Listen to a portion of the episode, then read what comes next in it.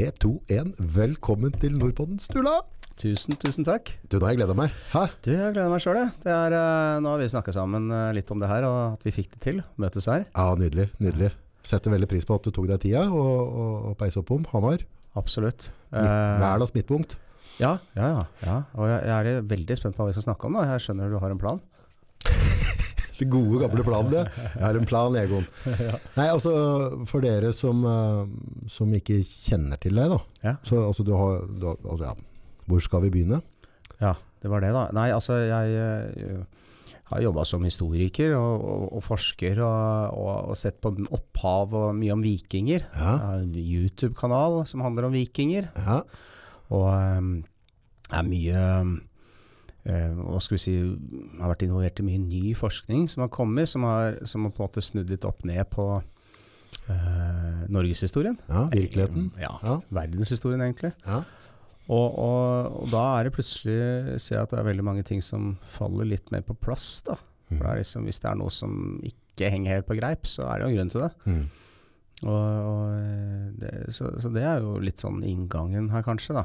Mm. Ehm, til at vi har blitt kjent. Jeg har vært litt på noen andre podkaster og snakka om litt ting. Og jeg, jeg må si, det er jo jævlig mange mennesker som åpenbart lytter eller eh, ser på podkast, altså. Fordi ehm, Er det har- raskest voksende medium i verden?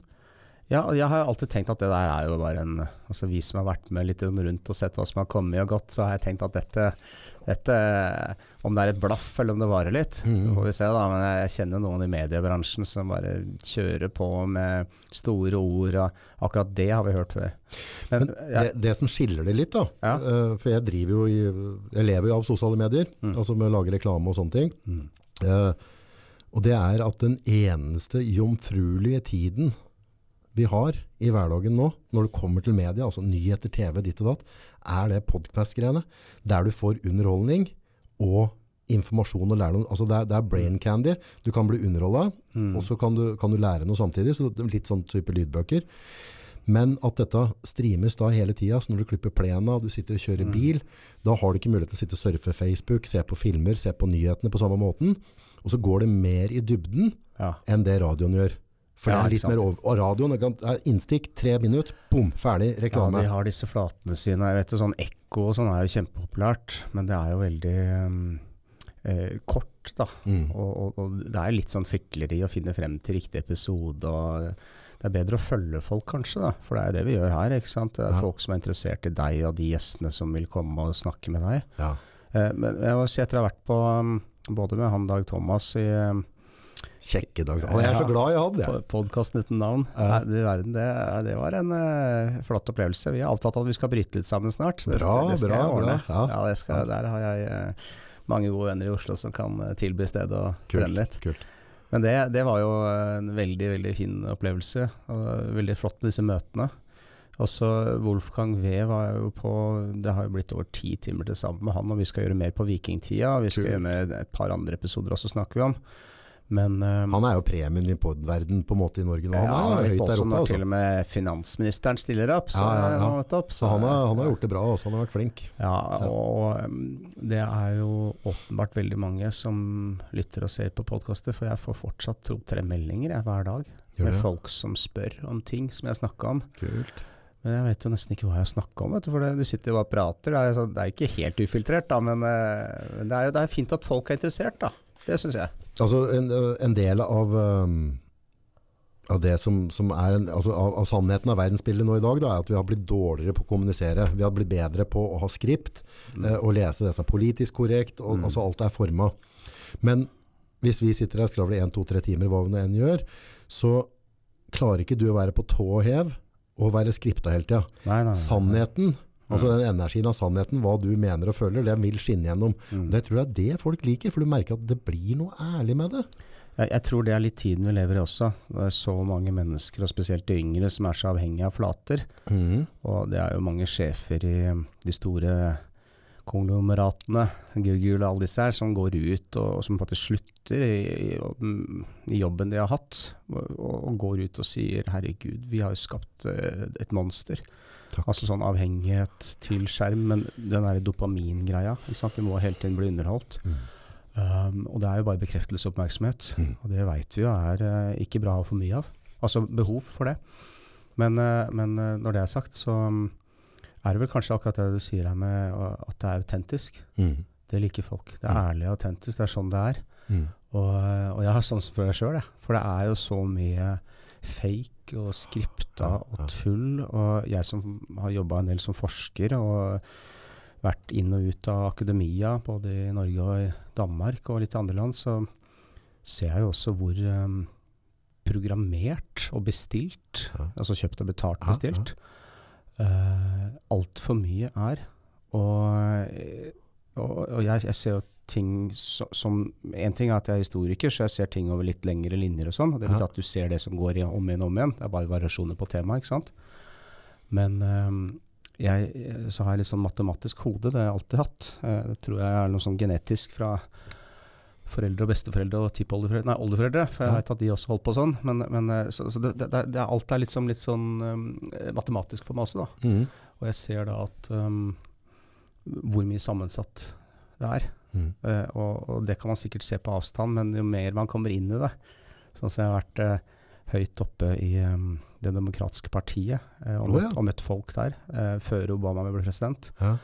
Og i, også i republikanske partiet borte i USA. Og så ser man hvor mye sammensatt alt er. Dette var under den arabiske våren og Libya og bombing og alt det der. ikke sant? Ja. Da var jeg plutselig mort- mye i Washington DC og New York og ble introdusert for folk. Fordi jeg var interessant, for jeg hadde nettopp vært på Påskeøya.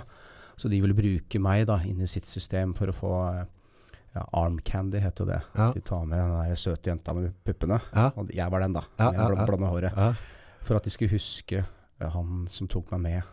Ikke sant? Eh, Ved at de husker meg. Ikke sant. Og, og, og det er fint, for det er jo sånn trade-off. Det er vinn-vinn, det. Jeg, jeg syns det er interessant å møte interessante mennesker. Jo, jo. Men, eh, men det, det er en sånn Den kynismen som man kan ane og se litt på avstand, den er der så absolutt jo lenger inn i det du kommer. Mm. Og, og, og mer av det. Og det er jo litt fælt. Så jeg tror det der at jo mer plastisk og CGI med ting blir, Mm. eh, jo mer er det et marked for det autentiske. Mm. Jeg har selv gjort et forsøk nå på YouTube-kanalen min. Mm. Fordi um, Viking Stories heter den. Viking Stories på Ja. Men uh, jeg har uh, trukket meg litt tilbake, for jeg tenkte ja, det er autentiske kjører vi på. Jeg Ja. liker å gi av meg sjøl. Det er hyggelig. Så jeg har liksom sittet og prata um, om vikinger og vært rett på skjermen. Ja.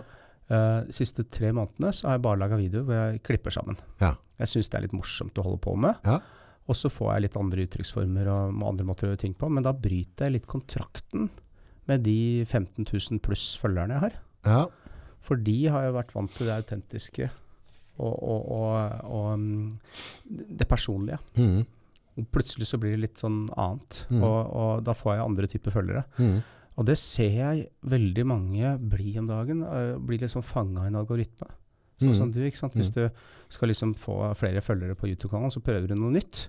Eller setter det på spissen, eller være litt mer sånn der um, uh, anti et eller annet uh, Ja, ja, ja. At, ja, det går i opposisjon. Ja, ja, Ja, om, om det er sykdommer eller, eller uh, pandemier eller uh, hva vaksiner. Altså hva det skal være. Ja.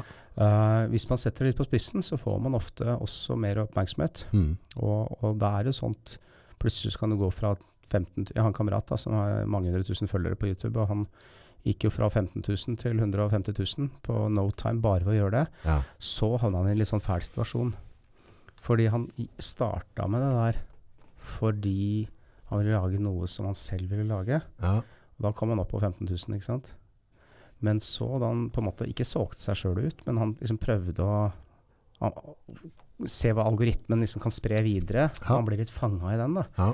For plutselig så får han da ja, 90 av nye følgerne hans de er ikke interessert i det der gamle. De vil bare ha mer av det der eh, satt på spissen. og Plutselig så blir det sånn person. Ja, så, Mm. så vil du gjerne gjøre det. Så, så vokser du som bare det og får flere hundre tusen følgere. Og ja. Men så er det egentlig det som var kåren, da, altså kjernen, eh, som han hadde lyst til å gjøre. da. Og da, da blir du litt sånn fanga. Det der ser jeg mange av disse såkalte influenserne eller bloggerne, eller Mm, sånt, som mm. man blir litt fanga. Mm. Der har jeg på en måte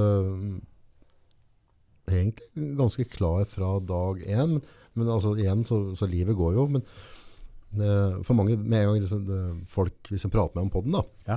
hvordan klarer du å tjene penger på dette August? Hvordan klarer du å penger? Mm. Men jeg tjener ikke penger på det, sier jeg. Mhm. Ja, men, ja, men det er bare hobbyen min, og tanken er at hvis, jeg hadde, hvis fokuset mitt hadde vært å tjene penger på dette her, Mhm.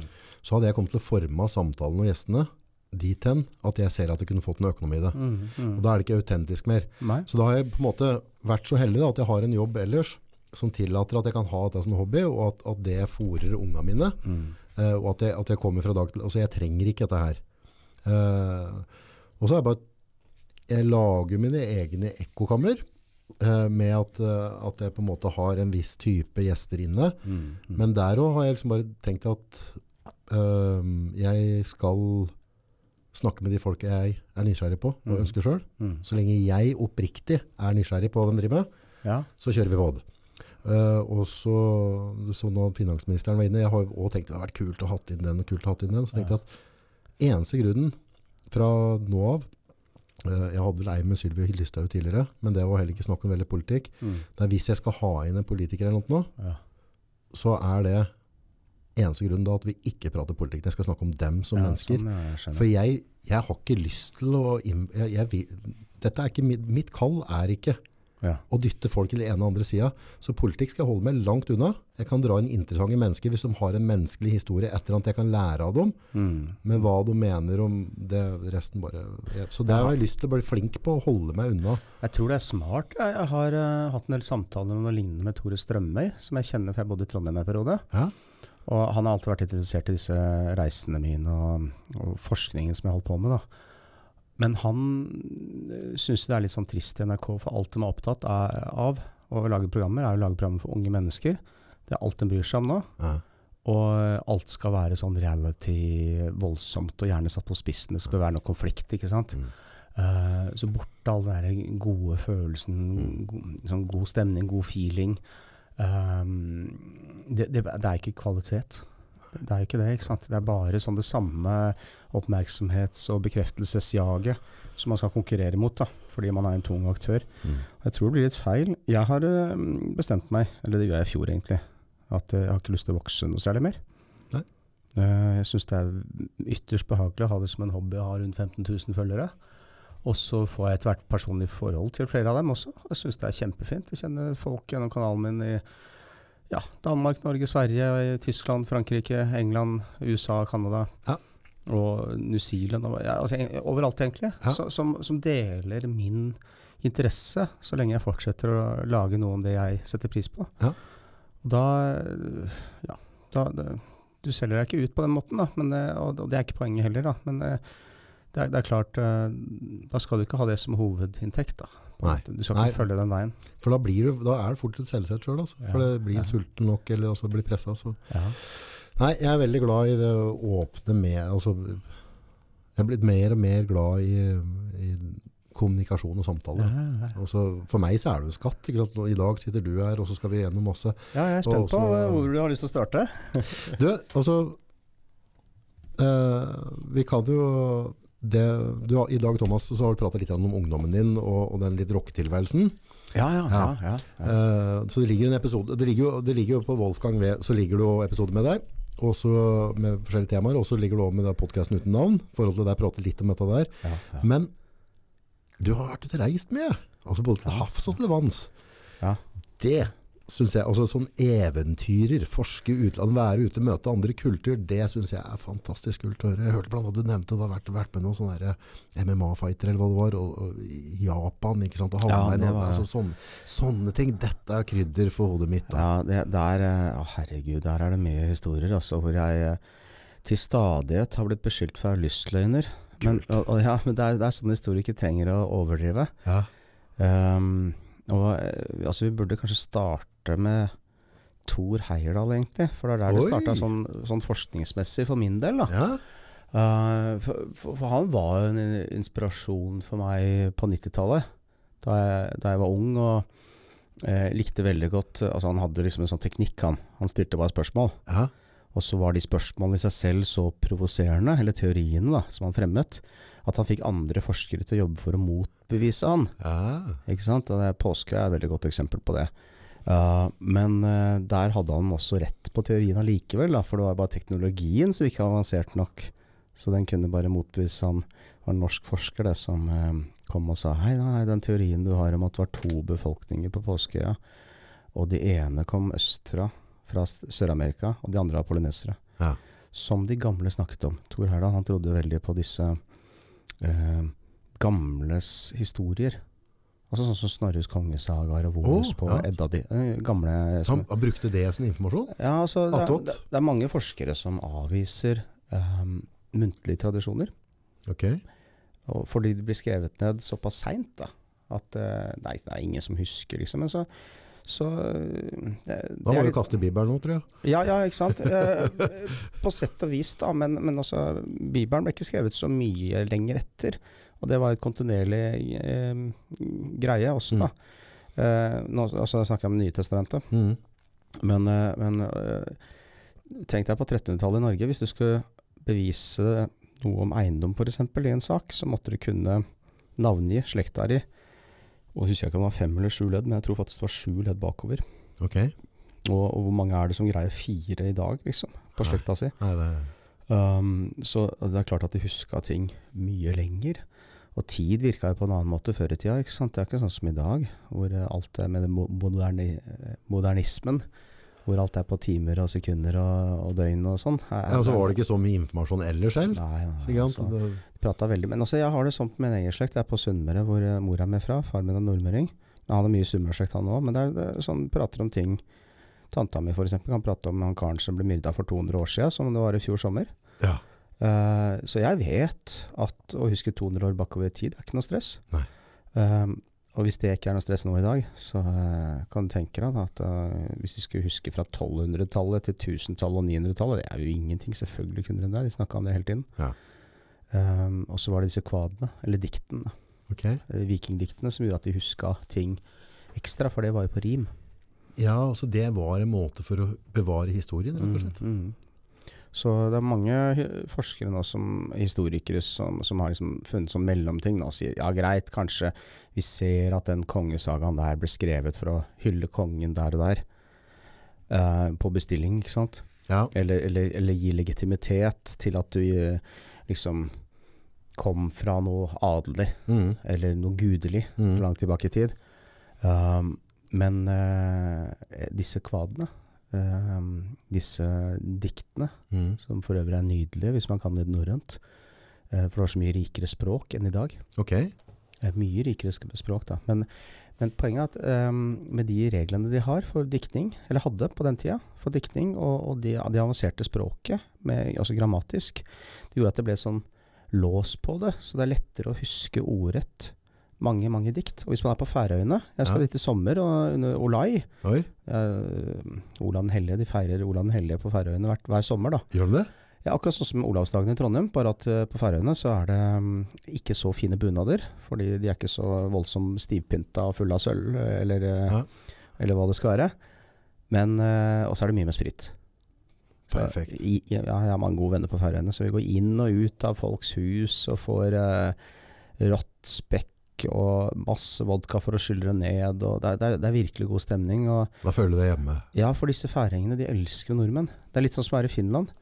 De ser på oss litt når de ikke vet hvem vi er. Liksom, er han dansk? Og når de får vite at jeg er norsk, så bare åh, så bra. Da er det frender og, og brødre eller, eller, eller søsken, og eh, de tror kanskje at vi hater danskene like mye som det de gjør, da. Mm. Akkurat sånn som i Finland. Når de ser at vi er nord nordmenn ikke svensker, så tror de at vi deler deres hat for, for svenskene. Oh, ja. ja. Så finnene er ikke glad i svensker og dansker? Nei, nei svensker, ja. Eh, Det Ja. har jo noe med historien å gjøre der. Men, men de eh, elsker jo nordmenn Ja. eh, ekstra, da. Ja. Så disse fighting-tingene du snakket om, det var jo da jeg begynte å trene med de, de greiene. Grappling og brasiliansk utsu, for 22 år siden, tror jeg det er. Ja, for det var ganske ferskt da på den tida, i Norge i hvert fall. Det var kjempehøyt nivå internasjonalt. Mm. Og, og, og de som jeg trente med da, de, altså, de var jo ofte jevnlige å slåss i Finland på Finfight i Turku. Ja. Eller Åbo, som byen også heter. Og um, der, der ble vi tatt imot så voldsomt med åp åpne armer, da. Ja. Det samme er på Færøyene. Da ble tatt imot med åpne armer skikkelig. Og, og, og digresjonen her uh, var, jo Påskeøya, egentlig. Ja. Fordi Thor Herdal mente at um, på Påskeøya så må vi høre på hva de gamle husker.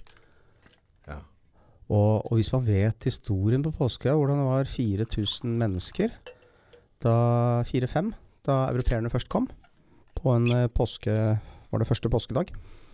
Derfor heter det Påskeøya. Okay. Roggy Ven het han. Derav Påskeøya. Ja. Og han kom jo dit med skipet sitt. Um, og så er spørsmålet da eh, Hvis man kjenner historien etterpå, da. For det har vært sånn fascinasjon for Påskeøya pga. disse hodene som er begravd i, på øya. Stemmer. Og det er jo egentlig mennesker, for de går langt ned under jorda. Ja. Uh, så det er jo det er en overkropp, Ja. uh, en torso, da, på disse hodene. Men du kan følge dem bakover til steinbruddet, og du ser at det har vært krig. Fordi plutselig så har bare alt stoppet opp. Så, så det, når du går til det ene vulkankrateret hvor disse hodene er, ble laga, Mhm. så finner de masse verktøy som de har brukt for å karve ut og, og, og grave og lage disse hodene. Mm. Og så finner du de, de halvferdige hodene. Og hvert sånn hode er jo én menneske. Et menneske. Et, et, um, en høvding. Ja, Så du tror de er laga for uh, heder? Det er bestillings... øh, ja. ja. Så var det noe til kar, så fikk du et hugge? Ja, Eller ikke kropp, sant? Rett og Ja, slett. Ja, og så skulle det fraktes ut, og det gjorde de da med å bruke trær. Men det er ikke så mye trær. Det er ikke en svær øy, dette her. Altså, det er tre vulkaner som er, henger sammen med land imellom. Ja. Og så er det en bitte liten vulkan i midten, og der er det hentet ut disse hodene. Eller gjorde det, da. Så det er, det er en veldig liten øy, og det er klart at da de hadde brukt opp alle naturressursene på øya, så ble det jo krig. Da var det ikke nok mat eller noe til folk, og det skal visstnok ha vært 20 000 mennesker der. 100 år før europeerne, kom. Da europeerne kom, så var det kannibalisme der, for det var så dårlige forhold og fullstendig krise, et, som etter en krig. Um, men derfra ble det bare verre for dem. Så de neste tiårene, så når disse skipene kom tilbake og, og eh, eh, Peru begynte å blande seg inn, så ble hele øyas befolkning eh, Da var det vel 3000 eller 2000, eller kanskje det bare var 1000, jeg husker ikke helt. Det var sånn der sakte reduksjon i befolkningen, originalbefolkningen. Og så plutselig, jeg tror det var i år 1870 eller noe sånt, så ble hele øya leid ut til en sauebonde. Som bare skulle ha sauene sine på øya. Ok. Og, så alle ble tatt i slaveri. Ja. Og kasta inn noen gruver i Peru. Og øh, Jeg tror det var Peru som hadde øya da. Det, det, det er Chile nå, da. Ja. Men jeg, jeg mener at det var Peru det var i, i sånne gruver. Og så etter en, jeg tror det var ti år, eller fem år, øh, men jeg tror nærmere ti år, så fikk de komme tilbake. Og da var det bare 100, 111 igjen som levde. Oi. Og det er urbefolkninga, som da har blitt flere nå, da, men de har hele tiden blanda seg med folk. ikke sant? Så, ja. Tynna ut. Ja, Så er spørsmålet da jeg kom dit, var om vi kunne finne noe DNA som kunne bevise at mm. Thor Harald hadde rett. Og da måtte vi liksom finne frem til noen som huska de 111. som Men DNA som å, å grave fram knokler og ta prøver av folk òg, eller? Nålevende mennesker. Ja. Tok bare av gamle. Ja. Så jeg fikk hjelp av en sykepleier som hadde vært gift med guvernøren og, og, og kjente alle på øya. Men med DNA kan du på en måte, hvis du tar en DNA av meg, kan du se hvor, hvor mye utblanda jeg er, eller om jeg er egentlig fra Vikum-bakgrunn, eller altså, om jeg egentlig er spanjol, eller Nei, altså Både ja og nei. Det er, teknologien har ikke kommet så langt. Det er veldig mye spennende som, som finnes for forskere. mm. De der populære DNA-testene. Du kan finne ut din rette farslinje, f.eks. Det er jo spennende. For den forandrer seg ikke fra far til sønn, ikke sant. Så, så det, den går bakover. Sånn som jeg har jeger. Ok, så sånne ting kan du se. Ja, så jeg, er- I rett farslinje så er jeg skikkelig urnordisk, på sett og vis. Ja. Eh, ikke krigerne som kom med bronsealderen da den starta sånn og tok over hele Europa. Uh, I Norge og Sverige så er det litt spesielt at jegerne overlevde her. Mens resten av Europa så forsvant mange av de mennene. Mens kvinnene gifta seg med de som kom.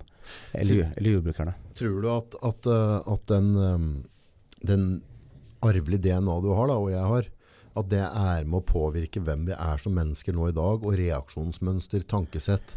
Ja, jeg, jeg er helt overbevist, jeg. Eh, men, men det er også eh, jeg, er historiker, ikke sant? Ja.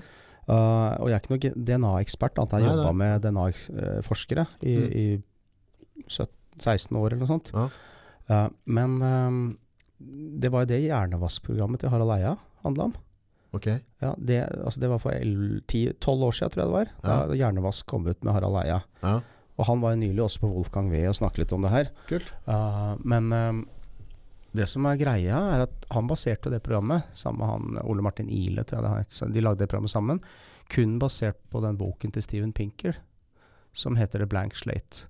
Og, og The Blank Slate, altså et, et, et uh, blankt ark. Ja. Hvor de bryter Den boken kom for 20 år siden med Steven Pinker. Og da brøt han helt ned det dogmet, eller den, det som var opplest og vedtatt da, at alle mennesker er født med et blankt ark, og de kan bli hva som helst. Genene styrer ingenting. Ok. Det motstrider han. Ja, Det er et eksempel. Det henger jo ikke nødvendigvis helt på greip. For vi vet f.eks. av um, forskning på um, besteforeldre som var i, uh, opplevde skit og fæle ting i andre verdenskrig, Ja, at det påvirker ikke bare barna, men også barnebarna genetisk. Det vet vi. det gjør det, ja. Ja. Ja. Men det er jo mer, vet du. Det er mer? Ja, ja, vi ser Altså, én ting er individuelt, uh, men uh, hele befolkninger. Så, så det er noe som Sånn som i Norge, hvor for å overleve så langt nord Fordi altså Fra um, Sandnessjøen og nordover, fra arktiske si- sirkelen Det er jo på Sydpolen, hvis du snur jorden opp ned. Mm. Altså, vi er jo vanvittig langt nord. Ja. Og eneste grunn til at vi kan overleve så langt nord, det er to ting. Det er um, Gullstrømmen, som gjør at fisk og havpattedyr kunne være så langt nord. ja. Så det var mat å få. Uh, og så er det de to genene for lys hud. Ja. For det har med D-vitamin å gjøre. ja. Så da kan vi være i så lite sollys. Og Og- fortsatt ha immunforsvar. Ja, og Det er derfor disse jegerne har overlevd i Skandinavia, og ikke så mye andre steder. Ja. Fordi eh, da krigerne kom og tok over alt, så forsvant jo disse mennene som var der ganske fort. Ja. Veldig mange steder. Men her så ser vi at jordbrukerne, da de kom nordover og skulle prøve å etablere seg i Skandinavia, så hadde de hadde ett av de to genene for lys hud, men det er ikke bra nok. Den eneste grunnen de kunne etablere seg, og vi ser det er gjort flere forsøk over hundrevis av år, Mhm. Det var da de begynte å blande seg med jegerne og sankerne. Mm. Og da fikk de, de begge to genene for, for um, eh, um, lys hud, da. Ja. Som, som, eh, som jeg som er veldig hvit i skinnet og blir Ja, solbrent som bare ja, det, er ja. stor sjanse at, at det kommer har fra Du oppe i nord. genene, ikke sant. Det er Ja. klart det. Og, og det var samme var med krigerne når de kom og tok over alt. Ja. Og dette er historien, dette er jo de eldste kjeldene, Mm. uh, som, som har blitt overlevert uh, muntlig i hundrevis av år, Mm. antageligvis mer, om Odin og Thor. Odin sin mor var jo Mm. blandingsrase. Altså med andre ord, fa, uh, hun var jotunkvinne mm. med disse høye kjempene som var her fra før. Mm. Jegerne og sankerne. Ja. Mens Odin sin far kom jo østfra og var disse krigerne. Ja. Det står jo, Vi har jo det skrevet i de gamle bøkene våre. Ja. Så bare spørsmålet skal vi tro på dem. Eller skal, altså Vi trenger ikke å tro på dem ordrett, men de beskriver en uh, blanding av forskjellige folketyper. Mm. Og vi har blanda oss ganske mye. Og det var litt av poenget. Vi kan følge en rett farslinje Ja, og synes at det er veldig spennende, sånn som jeg er jeger i rett farslinje. ja, Men det betyr jo at jeg kan Jeg har jo veldig mye annet enn A i meg. ja, ja, ja. Fra krigere, fra jordbrukere, fra slaver sikkert også. Altså, det, har vært masse blanding, og overalt hvor det har vært handel, har vi sett mye blanding. Mm. Og det har vært veldig mye handel ut av Skandinavia, fordi eh, vi har hatt mye å handle med mm. i bronsealderen og, og jernalderen mm. og vikingtida. Så da, det er klart vi ser at det har vært mye blanding. Uh, og det betyr at vi har mye i oss, ikke sant. Og oppe i Nord-Norge, for å overleve så langt nord, så må du ha Alle må samarbeide. Mm. Du kan ikke, hvis, hvis én skiller seg ut, hvor det er så farlig å, å seile f.eks., så kan alle dø. Og Der har du konformiteten som vi har i samfunnet vårt. Vi er jo helt i verdenstoppen på konformitet. Konformitet, hva mener du med det? At alle går i takt. At uh, vi har høy grad av tillit og lav kriminalitet. Vi, har, um, vi er veldig raske til å straffe noen offentlig hvis noen jukser Ja, på en eller annen måte. Politikere eller hvem det skal være. Fy, fy, liksom. Ekstremt moraliserende. Mhm.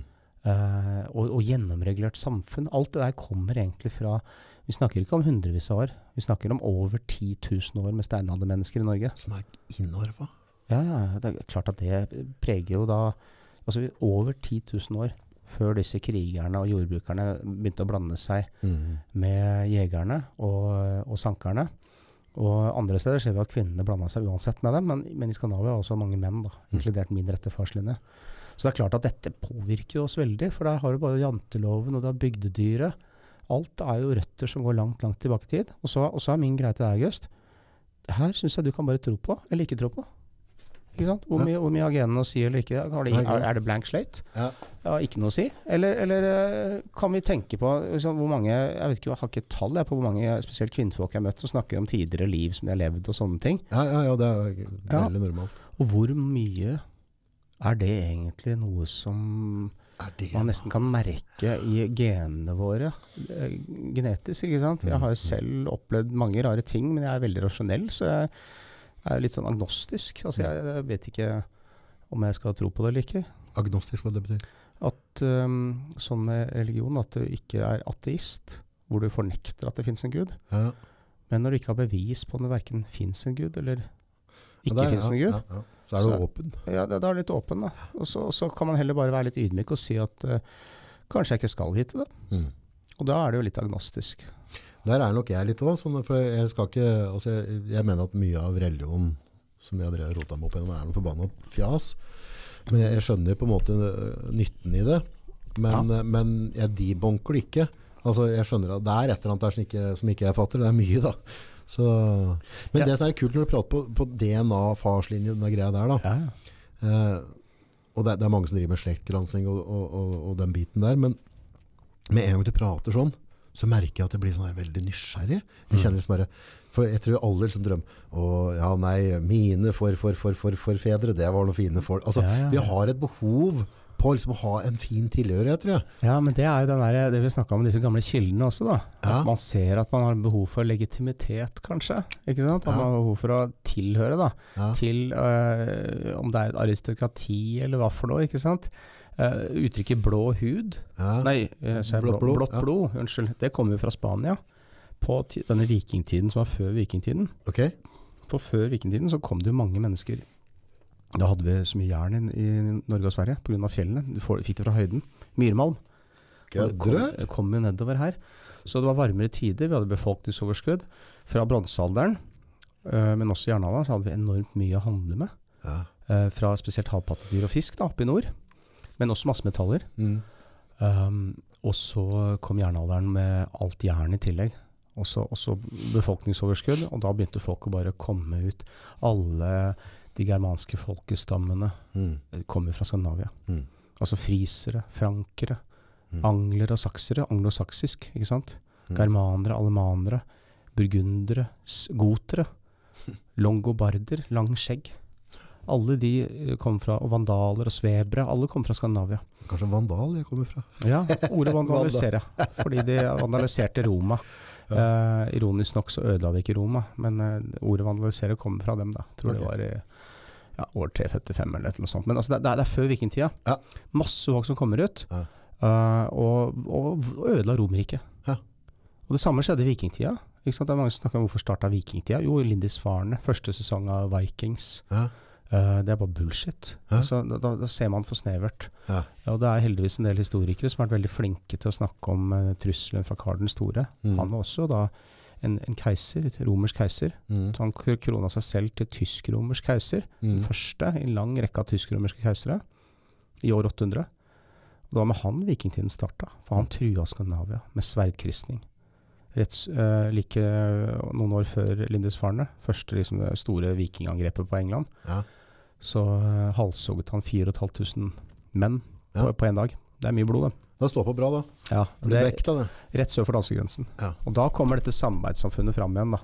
Og, eh, og liksom nå må vi organisere oss. Og så starta en sånn angrepskrig mot uh, frankerne. Ja. Uh, for sakserne hadde lidd så vanvittig i de saksisk-frankiske krigene uh, rett før vikingtida starta. Og, og um, denne Jeg husker ikke hva han heter, men det er ikke så viktig. denne saksiske kongen, eller herskeren, som, eh, som ledet krigføringen mot frankerne, han søkte ofte tilflukt hos eh, danskekongen. Han kunne fortelle om hvor eh, blodtørstige og fæle og kristne Ja. frankerne var. Så dette Lindisfarne, dette første stedet i England, da, det, var jo, det var jo vikingangrep. Vi vet at vikinger reiste østover mange tiår tidligere. Så vikingtiden startet, jo uansett før. Ja. Men dette første til Lindisfarne, som de har med i denne uh, TV-serien Vikings, som Ja. har veldig mye feil, dessverre. Ja, ja. det, jo, det er Det jo er fint kul med, serie. ja, fint med litt sånn oppmerksomhet om vikinger, og absolutt. Kan, kan, sånn som jeg kommer og fortelle hvordan det egentlig var, kanskje. Mm. Men, uh, men, men det er klart at uh, det Lindisfarne, det klosteret der, klosteret var jo pengemaskiner Mm. for de som styrte. Mm. Og den, mun- faen, kristen, den altså. munken som på en måte hadde kontroll på Lindisfarne, han Mm. het Alkuin. Og det er han som har nedskrevet alt det forferdelige om vikingene. Ikke, ikke bare han, da, det er flere. Ja, Men, men, men noe, av det, noe av det liksom vi har mest av. Og det skrev han til Karl den store, til keiseren. For han ofte i hoffet hans, han oppdro barna hans. Og, og var, hadde en spesiell posisjon i hoffet. Og det at vikingene angrep lindesfarene, det forteller bare hvor avanserte de var. Mm. For de visste at han alkuin har det, har det klosteret. Han sitter i hoffet til Karl den store. Det er en måte å si en advarsel. Ikke kom hit. Mm. Det er Apropos kloster og sånne ting. Jeg um, kom til skade for å se en dokumentar om uh, Vatikanet. Mm. Og, og dens økonomiske opptreden Mhm. opp igjennom. Faen for noen svinpelser. Mm. Mm. Men det som var litt kule, når du ser på Vatikanet, måten de gjorde det for å drive med penger og sånn, det er akkurat som den norske stat. Ja. og, det- altså, Ja, det er- altså, ja, ja, altså, det, er, det er bygd opp på akkurat samme måte. Og til slutt så begynte de å selge sjelefred. At du kommer til himmelen. Så, altså, den, den tienden men du beskatta beskatta beskatta, ikke sant? Ja. Nei, Det var jo det som var i middelalderen. Du skulle gi bort en tidel av inntekten din. ikke sant? Og så Mm. kunne du kjøpe avlat hvis du gjorde noe syddfulle greier. Det lever jo videre i dag hos katolikkene. Ja. Jeg bodde et år i USA, da på sånn high school. Da møtte jeg på en del katolikker som jeg fikk som venner. Ja. De var jo Herregud, mye ugagn de gjorde. Mye mer enn eh, de andre vennene jeg hadde. Ja, ja, ja. Men de fikk jo tilgivelse hver søndag. De fortalte, de fortalte det til presten, og, og han eh, var jo Si ifra når du skal ha kaffe, du. Ja, ja. Og han eh, var jo Si dine Hail Marys og gjør det her og gjør det her, og så, får du, så kan du fortsette neste uke. Men Vatikanbanken og greier, du, det var jo mafia og, nazister og alle som brukte det. Altså, det, det, det var jo De var jo gangsters. Jeg syns uh, det kom, kom eh, et par sesonger, tror jeg, eller to forskjellige TV-serier som henger sammen. Ok. Uh, The Young Pope, tror jeg det heter. Og der uh, tar det for seg litt det kyniske siden av, eh, av Vatikanet. Mm. Også The Borgias, Borgias eh, var også en TV-serie for en par, tre, fire år siden, hvor de tar for seg pavestaten på 1500-tallet. Uh. Og da vet vi at de var, det var, de var helt kyniske, altså. Det, var, det var ikke noe mye med religion der. Og det samme med protestantismen, da vi skulle kaste ut katolikkene Ja. på 1500 Martin Luther og alt det der. Ja, ja. Og danskekongen da var jo veldig på, og skulle ta over alle krongodsen og eiendommen og sånn, i, i Norge blant annet. Uh, men det var vel ikke så mye religiøse grunner til å gjøre det. Han var mest eh, klar for å få skatteinntektene fra eh, godsene. Yes. Det, det var nok ingen tvil om. Giske-gods og Bjarkøy-gods og disse store godsene langt nordover i Norge, de var verdt mye penger. Og det er det handelsgreiene. Handelsruter sørover hele tiden. Det er litt sånn, for det, er alltid veldig, det har vært en god tradisjon for skatter og Mm. avgifter Mm. i all sin tid. Så, så det er noe menneskene har liksom lært seg til å leve med. Da. Men det er, det er liksom, jeg skjønner i sånne uh, skatter og avgifter, og så bygger du her. Og så hadde folk vært litt glupe, så hadde vi vært enige om at ok, vi, ingen bygger opp noe her. Så kan vi slutte å krige, egentlig. Men Mm. alt, alt, er liksom, alt er jo rikdom, og hvem som har størst gevær hele tida. Mm, mm. Det, det var noe som disse krigerne starta med. De som kom rett før bronsealderen, som starta bronsealderen, Mm. de hadde med seg våpen, hester, eh, sånne krigsvogner, sånn hvor de står bakpå hestene. Ikke? Og, og de var så krigerske. Og um, det var på den tiden da jordbruk var kommet. Og med jordbruk så var det ikke bare en annen måte å organisere og leve livet sitt på, uh, men du kunne begynne å eie mengde. Ikke sant? Fordi du skulle ikke bevege deg over ting. Det var ikke, det var ikke nomadelivet. Nei. Nei, ok, ja. Ja, da, da kunne du eie områder, for det, det hadde jo med mm, dyrking av korn og hvete og sånne ting. Ja. Og du kunne også eie arbeidskraft. Ja. Og du kunne eie slaver. Og um, du kunne bygge deg opp rikdom. Ja. Og da startet jo en hel eh, annen form for eh, Hva skal vi si Ja, samfunn, da. Annet enn det der som jegerne Ja. og sankerne hadde i tusenvis av år, som har fortsatt inn i nyere tid. Mm. Og jeg skal si deg at det var en sånn interessant ting Det er så mye som har fortsatt helt til nyere tid. Uh, for vi snakka litt i forkant, og du har vært på fiske Ja. nordpå. Eh, og, og din, var vel så, oldefar din Ja. har uh, Han var uh, skipper og hadde egne båter og, Ja, og seila kysten opp og ned. ja, var på Lopphavet. Ja, kjørte over den flere ganger. Ja, og farfar min var også på Lopphavet. Ja. Og, og far min òg. Men han ga seg da han var 16 år, for da så han farfar falle om i båt. Han var bas, hadde veldig mye ansvar. Ja, Levde jo veldig usunt liv, disse gutta her også, da. levde tøft. Ja, og, og da sa far min ikke faen, og han flytta til Oslo etter hvert, da, endte opp der med, med min mor Ja. fra Sunnmøre. Men uh, det som jeg har tenkt litt på i nyere tid, er uh, Du vet, før i tida så var det litt viktig å sette bort barna sine, Mm. ha oppdragelse, og da mener jeg sånn vikingtid og, Mm. og middelalder. Uh, men også engelsk kostskole skole er det samme. Ja. Altså, du setter bort barna, så er det en ære egentlig å oppdra andres barn. Ja. Som var i vikingtida. Harald Hårfagre han var jo på Stein gård. Ikke Mm. Stein gård her ved Mm. Hamar, men Stein gård på Ringerike. Ja. Og ble satt bort til oppdragelse i Sogn, uh, Sognefjorden, Mm. like ved Leikanger. Men uh, så fant han, fant han sin gyda, og hun var oppe på Vang, på en gård der, Mm. hvor de har fostra ganske mange adelige opp inn i middelalderen. Så det var liksom sånn, sånn, sånn, sånn ære, og det er en tradisjon som stammer tilbake fra disse krigerne. Hm. Vi har, um, det var mange av krigerne som ikke bare dro inn i Europa, de dro ned i India også. Derfor så kalles de for indoeuropeere. Og i India så vet vi om eh, Der er så mye nedskrevet av det gamle, da. Mm. Altså sånn skikkelig, skikkelig gammelt. Ja. Og, eh, uh, som er på indoeuropeisk språk, da. Sanskrit. Og der står det om disse comitatus. Romerne kalte det for comitatus. Disse gjengene. Rene guttegjenger. Ok. Og eh, først så Jeg tror det var fra det var åtte år til 16, så skulle de være en sånn De skulle bli fostra. Ja. Nå vi vet om en grav, jeg tror det er i Russland, hvor en hel sånn gjeng er begravet, men tydeligvis av de som var deres venner. Så ikke alle har dødd, kanskje. For der er hver sånn gutt, tolv år eller hva det er, begravet med sin hund og sin jaktfalk. Ok. Og de var ute og reiste og ble fostret på den måten for å bli krigere. da. Ja. Klankultur. Og dette har preget oss veldig mye i all tid. Også da når eh, man blir voksne, så har man dette som romerne kalte for comitatus. De var fascinert av det. Men dette er da en gammel, gammel tradisjon som de som kalles for germanere og skandinavere, opprettholdt ganske lenge. Mm. Um, og i England så er det det som ble til chivalry, altså riddertiden. Ja. Og i, i Frankrike, da. Uh, men, men, det, men det er de samme røttene. Ja. Der, hvor det er en vanære å dø før din herre. Ja. Det skal ikke skje. Skal ikke skje. Og, altså, det, det, skjer ikke. Og, og du kan ofre et liv gladelig for prinsesse, Ja. men det er ikke for å få prinsessen. Det er for at du, du, du, du gjør det fordi det er ridderlighet. Ja. Det er en sånn gammel høvelighet. Disse dydene, eh, kardinaldydene, som vi har fra gammelt av. Det er også en del som, har, som kristendommen har Ja. inkorporert i seg selv, da, i tillit til tro, håp og kjærlighet. Ja. Men uh, det har jo kommet videre. opp. Vi ser på utviklingen av ordet gentleman, f.eks. Mm. På 1500-tallet. Så er det, en, det er faktisk en tradisjon helt til våre tider. Også, også være dydig og være ridderlig. Ja. Protect your woman and fight for your country. Ja, ja, ja, ja. Akkurat sånn som mange barn fostres opp med Super Mario i dag, så er det jo den prinsessa du hele tiden skal redde. Ja, det er jo det. du. Ja, Men straks du får prinsessa, da stikker jo prinsessa av. Har du sett det? Altså, sønnen min har spilt mye Super Mario, og liksom, ja, der fikk han prinsessen.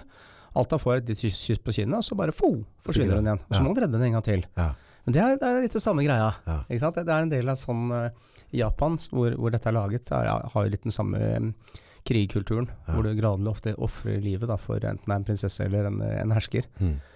Men dette har pågått uh, på sett og vis fram til nyere tid og fått en avart, en arv, da. Hvor rene krigerbander har blitt til rene arbeidsbander, til rene fiskerbander på hver sin båt. Ja. Og eh, poenget mitt er at det er um, mange som har opplevd å ha si, sin far eh, fraværende i store deler av oppveksten. Mm. Og jeg er faktisk den første i min slekt som har opplevd å ha faren min rundt meg Ja. i hele oppveksten. Og jeg vet ikke om faren min visste helt åssen han skulle være far engang. For han har aldri opplevd det, og ingen andre fedre på farssida heller. Nei. Alle har vært enten sjømenn eller fiskere, Ja. og vært borte flere måneder i gangen. Ja. Mens kona, hun var igjen på gården og hadde Mm. ansvar. Mm. Stålkontroll, Ja. ikke sant. Men uh, det er ganske andre forhold enn i dag, altså. Mm. Men dette er helt i nyere tid. Hm. Og faren min var den første som brøt ut av det mønsteret. Men det er mange som bryter ut av sånne mønstre. Altså sånn urbanisering og sånn som jeg har sett de siste 150 åra. Ja, for den urbaniseringen, altså når du, når du prater altså på, på det, er, det er en, en tosidig spørsmål her, holdt jeg på å si.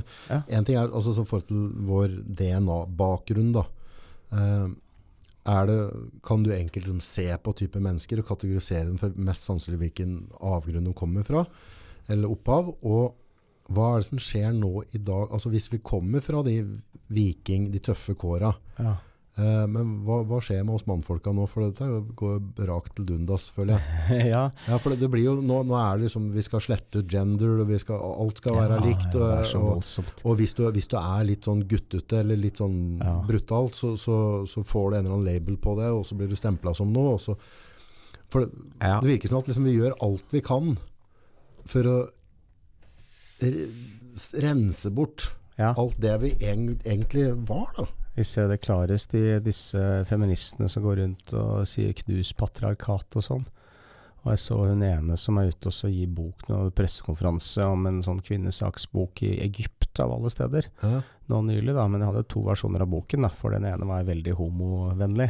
Ja. Så hadde de renset opp det litt da, for å kunne ikke bli lynsja, var det vel? Antageligvis. Bokstavelig talt. Ja. Men hun har også en sånn bok som heter um, 'Knus patriarkatet', tror jeg. Også, Hva betyr det? Patriarkatet. Nei, altså at uh, menn har styrt samfunnet da i tusenvis av år. Ja, Kanskje på tide å også, også knuse det. ja, Og, men så det, det er så begredelig å se for en historiker som meg da, at det, liksom, det, det er så kunnskapsløst bare det kommer mer enn noen få hundre år tilbake. da. For Hvis man vet hvor dypt dette sitter, i den boken jeg snakket om der, så, så snakker de om de gamle grekerne. Mm. Var liksom, hadde sånn mannesamfunn, og spartanerne, og litt sånn, det var kriger og sånn. Ja. Og så er det romerne, og så er det vikingene, og så er det middelalder. Altså, det, det er så lettfattelig. Mens hvis vi vet hvor mye dette her er impregnert i oss, i Ja. den grad at vi har ikke et blank slate, da, hvis du Nei. er med meg på den, ja. så har vi veldig mye i oss. Ja. Og det er det jeg tenker på disse dager. da, Dette kommer og går. Og for 20 år siden, på slutten av 90-tallet, det var også en sånn der angrep på mannen. Mm. Og det har vi hatt nå, jeg tror vi er litt på vei ut av det også. Jeg, jeg ser det på en, den kanselleringsgreiene. Har tatt helt av denne gangen. ja, det sklir av. Ja, Men på 70-tallet var det ganske ille da, og på 90-tallet. Det har vært 20 år. Det virker som det, det er egentlig ikke ordentlig bruk for oss mannfolka før det er tomt i, i hyllene for mat og, Ja, og det er krig. Ja, før det er krig, ja. Ja, er Da, da, da, på en måte, da blir vi helter igjen, og og så kan vi lage sanger også, og så kan vi få lov til å, å blø ut eh, for, for eh, fedreland og barn og kone. ja. Men, så uh, gjør vi men vår plikt. Ja. Og så, eh, og så når vi er ferdig med det, så bare shut the fuck up, og så tar du med kjevla, og så lager du litt boller, kamerat. Ja, ja, ikke sant. Nei, altså jeg, jeg må innrømme at jeg ofte har følt at jeg av og til går rundt i dvale, ja. Ja. For jeg føler meg veldig som en kriger. Mm. Jeg gjør jo det. Og hvis jeg uh, Jeg har jo sittet nok på Bufetat, jeg har barn, ikke sant, og, Mm. og, og, og prøvd å forklare Den er jo nytteløst, de som sitter i disse institusjonene. Ja. Eh, at og hvis jeg eh, ikke tilpasser ordene jeg bruker, eller eh, stemmen min. Hvis jeg snakker vennlig, sånn som jeg gjør med deg nå, så er det greit. Bare jeg er litt sånn klar og tydelig, så er jeg psy- psykopat med en gang. Da er du ferdig. Jeg er psykopat. Ingen tvil om det. Det, er- det er så Eh, rart, for du kan se, du kan se filmer ja. der det, der liksom kommer en mann, da, ikke sant? Uh, om du Uff, nå har jeg glemt navnet. Ja, altså, same. Noen tar seg serie eller whatever. Ja. Så kommer det mannen mann inn, og så er det noe, et eller annet, noe som er gølle dame eller unge. Ja. Så, så, så rydder han opp. ikke sant? Den typiske heltegreiene. Så sitter alle og klapper på kino og syns det er helt fett. Ja, ja. Men, eh, men, Die hvis, Hard, Bruce Willis. men hvis det skjer noe sånn i hverdagen, ja, ja. ja. Nei, da så da, da, da, går alt galt. Men fortsatt så ønsker vi å se de derre eh, ja. som, som går inn og rydder opp i urett der og da, ikke skriver mail om det og, og, og prater med en advokat i 100 år, og så att og fram og styr og stell. De går inn bare rydder opp der og da, ferdig. Og så, men, men det er jo ikke akseptert i samfunnet. Men samtidig så helteser vi det. Ja, men nå eh, har vi en ny verdensorden, da, plutselig. Siste månedene med krig i Ukraina og med eh, Finland og Sverige skal inn i Nato, og Russland som eh, begynner å ha atomprøveøvelser plutselig nå. Eh, det er vel litt av poenget mitt også, når vi snakker om gener. Mm. For jeg, jeg må bare innrømme at å leve med frykt, sånn atomfrykt, Ja, det har vi vokst opp med, ja. Ja. Kalde krigen og jernteppet og alt det der. ja, Eh, Da jeg vokste opp, så trodde jeg at alle østeuropeere Altså alle østeuropeere trodde de var skitne, ja. ja. Altså, også, sånn jeg fikk som avsmak av dem. Ja. En sånn forutinntatt mm, holdning til dem. Men jeg skjønte jo at det var en del av propagandaen, ikke sant. Yes. Veldig sånn retta mot USA, Vesten mot Østen, satt på spissen. Og jeg har skjønt at uh, østeuropeere er fantastiske mennesker. Ja, ja. Eh, og russere og ukrainere, og jeg kjenner jo mange. Mm. Uh, akkurat som oss, ikke sant? Ja. Og, men det er sånn jeg tar meg i det. Det, er, sitter faen meg så dypt i den programmeringa jeg fikk i oppveksten. Skolesystemet og alt. Mm. Uh, men det måtte jo kanskje være Det var det på den tida da du skulle dø for uh, flagget. Og, og, og du skulle blø for eh, alt og ofre deg, ikke sant. Og det, vi vokste jo opp med det. Husker du sånne, du fikk sånne postordreblader? du kunne bestille capser Mm. eller sipper. Mm. Gutta satt og så på dette hele tida. Og der var det sånn 'Kill a commie for your mommy' på T-skjorte og sånn. Og det husker jeg liksom at jeg satt og le. Altså, det var sånne ting du kunne kjøpe på, på Hamarmarten Ja, i ja, ja. bodene. Var det? Så hang, ja, ja, det hang jo sånn. Herlig. Men det er jo en sånn derre Mercenaries don't die, just regroup and fight again. Og så, altså, det, det var masse sånn, sånn type informasjon da, som vi, vi vokste opp med. Men vi trengte sånne folk før, og nå i takt med at Forsvaret var blitt bygd ned og ned og ned, så har alt snudd nå på noen måter, ikke sant. Nå skal det bygges opp igjen, opp igjen. Mm. Og, og, og nå blir det kanskje mer behov ja, for folk. For jeg må innrømme at jeg har følt at det har vært som å gå litt i dvale. Mm. Uh, du venter bare på at det blir bruk for deg. Mm. Og i mellom- mellomtiden så gjør du kontorjobben din, eller du gjør det og det, eller så holder du deg form og trener og konkurrerer. Ja. Um, og så lurer du på eh, Kanskje jeg får bare få ungene mine og la dem vokse opp, da, så får de ta over den stafettpinnen. Da, at vi, når det trengs, så, så stiller vi opp. Bare se på Ukraina. Det er liksom Det, det, det er jo sånn der hvis du ser noen ukrainske flyktninger, Mm. og så er det en mann i 20-årene, 25 år, 30 år, blant dem. Mm.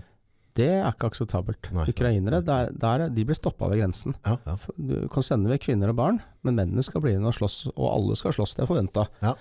Og, og plutselig er det behov for dem, ikke sant. Ja. Og det er eh, en ganske fascinerende greie, hvor folk du ser liksom DJ-er og tennisspillere og, og sportsmenn og alt mulig, eh, fotballspillere. Ja, de bare Nå skal vi, nå skal vi slåss, liksom. Og da bare vekk med alt det der dagliglivet, moderne eh, greiene. Nå går vi tilbake til noe som er penta inn i genene våre, rett og slett. Ja, og vi har mye av det i oss også. Så for å svare på spørsmålet ditt, jeg tror vi absolutt har mye på det. Eh, altså i genene våre. Og jeg tror ikke du kan se det heller nødvendigvis, altså. Men det er klart du kan jo ha en sånn sassy fuck eh, med, som, som er så hårsår og krenkbar. eh, og cisgender og alt det der de snakker om. Hva skjedde med genene der? Ja, eller, eller metroseksuell, husker du det? For 20 år siden. Da var det da fotballandslaget som tok over etter den store fotballgenerasjonen på 90-tallet. Ja, Det nye fotballandslaget der, da. eh, Jon Arne Riise var med der. ja. De var jo eh, De var ikke så flinke som de som var før, og de var mer opptatt av hva slags brylkrem de hadde i håret Ja, sitt. sånn, ja. Ok. Ja. Og de, og, da, og de var i fronten på det som ble kalt for metroseksuell. Det var for 20 år siden også, da vi hadde samme angrep på menn. Hva, hva metroseksuell betyr? Jeg tror det var sånne her, eh, bygutter, da. Det, altså, det neste som kom etter metroseksuell, var jo hipster. Ok, Og så- Det var noe imellom der også, men Ja, ja. Altså, liksom, det, det, At du begynte å fjonge deg til? Ja, du, du deg fjongler liksom litt, da. Og jeg ser nå pga. jeg rapp og hiphop, så skal Jeg leste en som sendte meg noe. Nå skal liksom gutter gå med øredobber og ha, ha sånn blinks, som det heter, da. Med ringer og greier, da, fordi det er kult, liksom. Fordi noen influensere gjør det. Og det, nei, jeg, vet, jeg vet ikke om Det er ganske grei. Altså, altså Eneste smykke en mann kan ha, er en klokke, liksom. Ja, nei, men altså hvis du har en torshammer eller et kors eller hva du, som du tror på på Jo, jo, jo, det er fair enough. Ja, ja.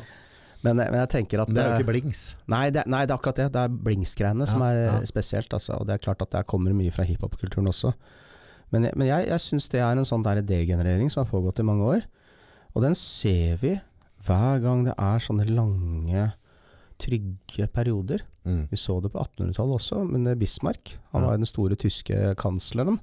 Ja. Otto von Bismarck. Og han sørget egenhendig for at det ikke ble krig på 1880, 1890 og starten av 1900-tallet i Europa. Ja. Det var krig i Sør-Afrika, med boerkrigen, de to boerkrigene. Ja. Men i 30 år, da, fram til 1914, så greide han å navigere og styre som en av de viktigste dirigentene i Europa. Og poenget var at han utsatte bare den uunngåelige krigen. Ja. Og så glemmer folk, da. Ikke sant? Man, man blir late. Dette her skjer med jevne mellomrom, og nå er vi på slutten av en sånn tid hvor vi har blitt late. Og, og vi ser alle disse eksemplene på eh, folk som enten de mister kjønn eller, eller eh, er forvirra, Mm. som, som øh, Ja. Og det- er kanskje, kanskje Kanskje mange mangler et kall.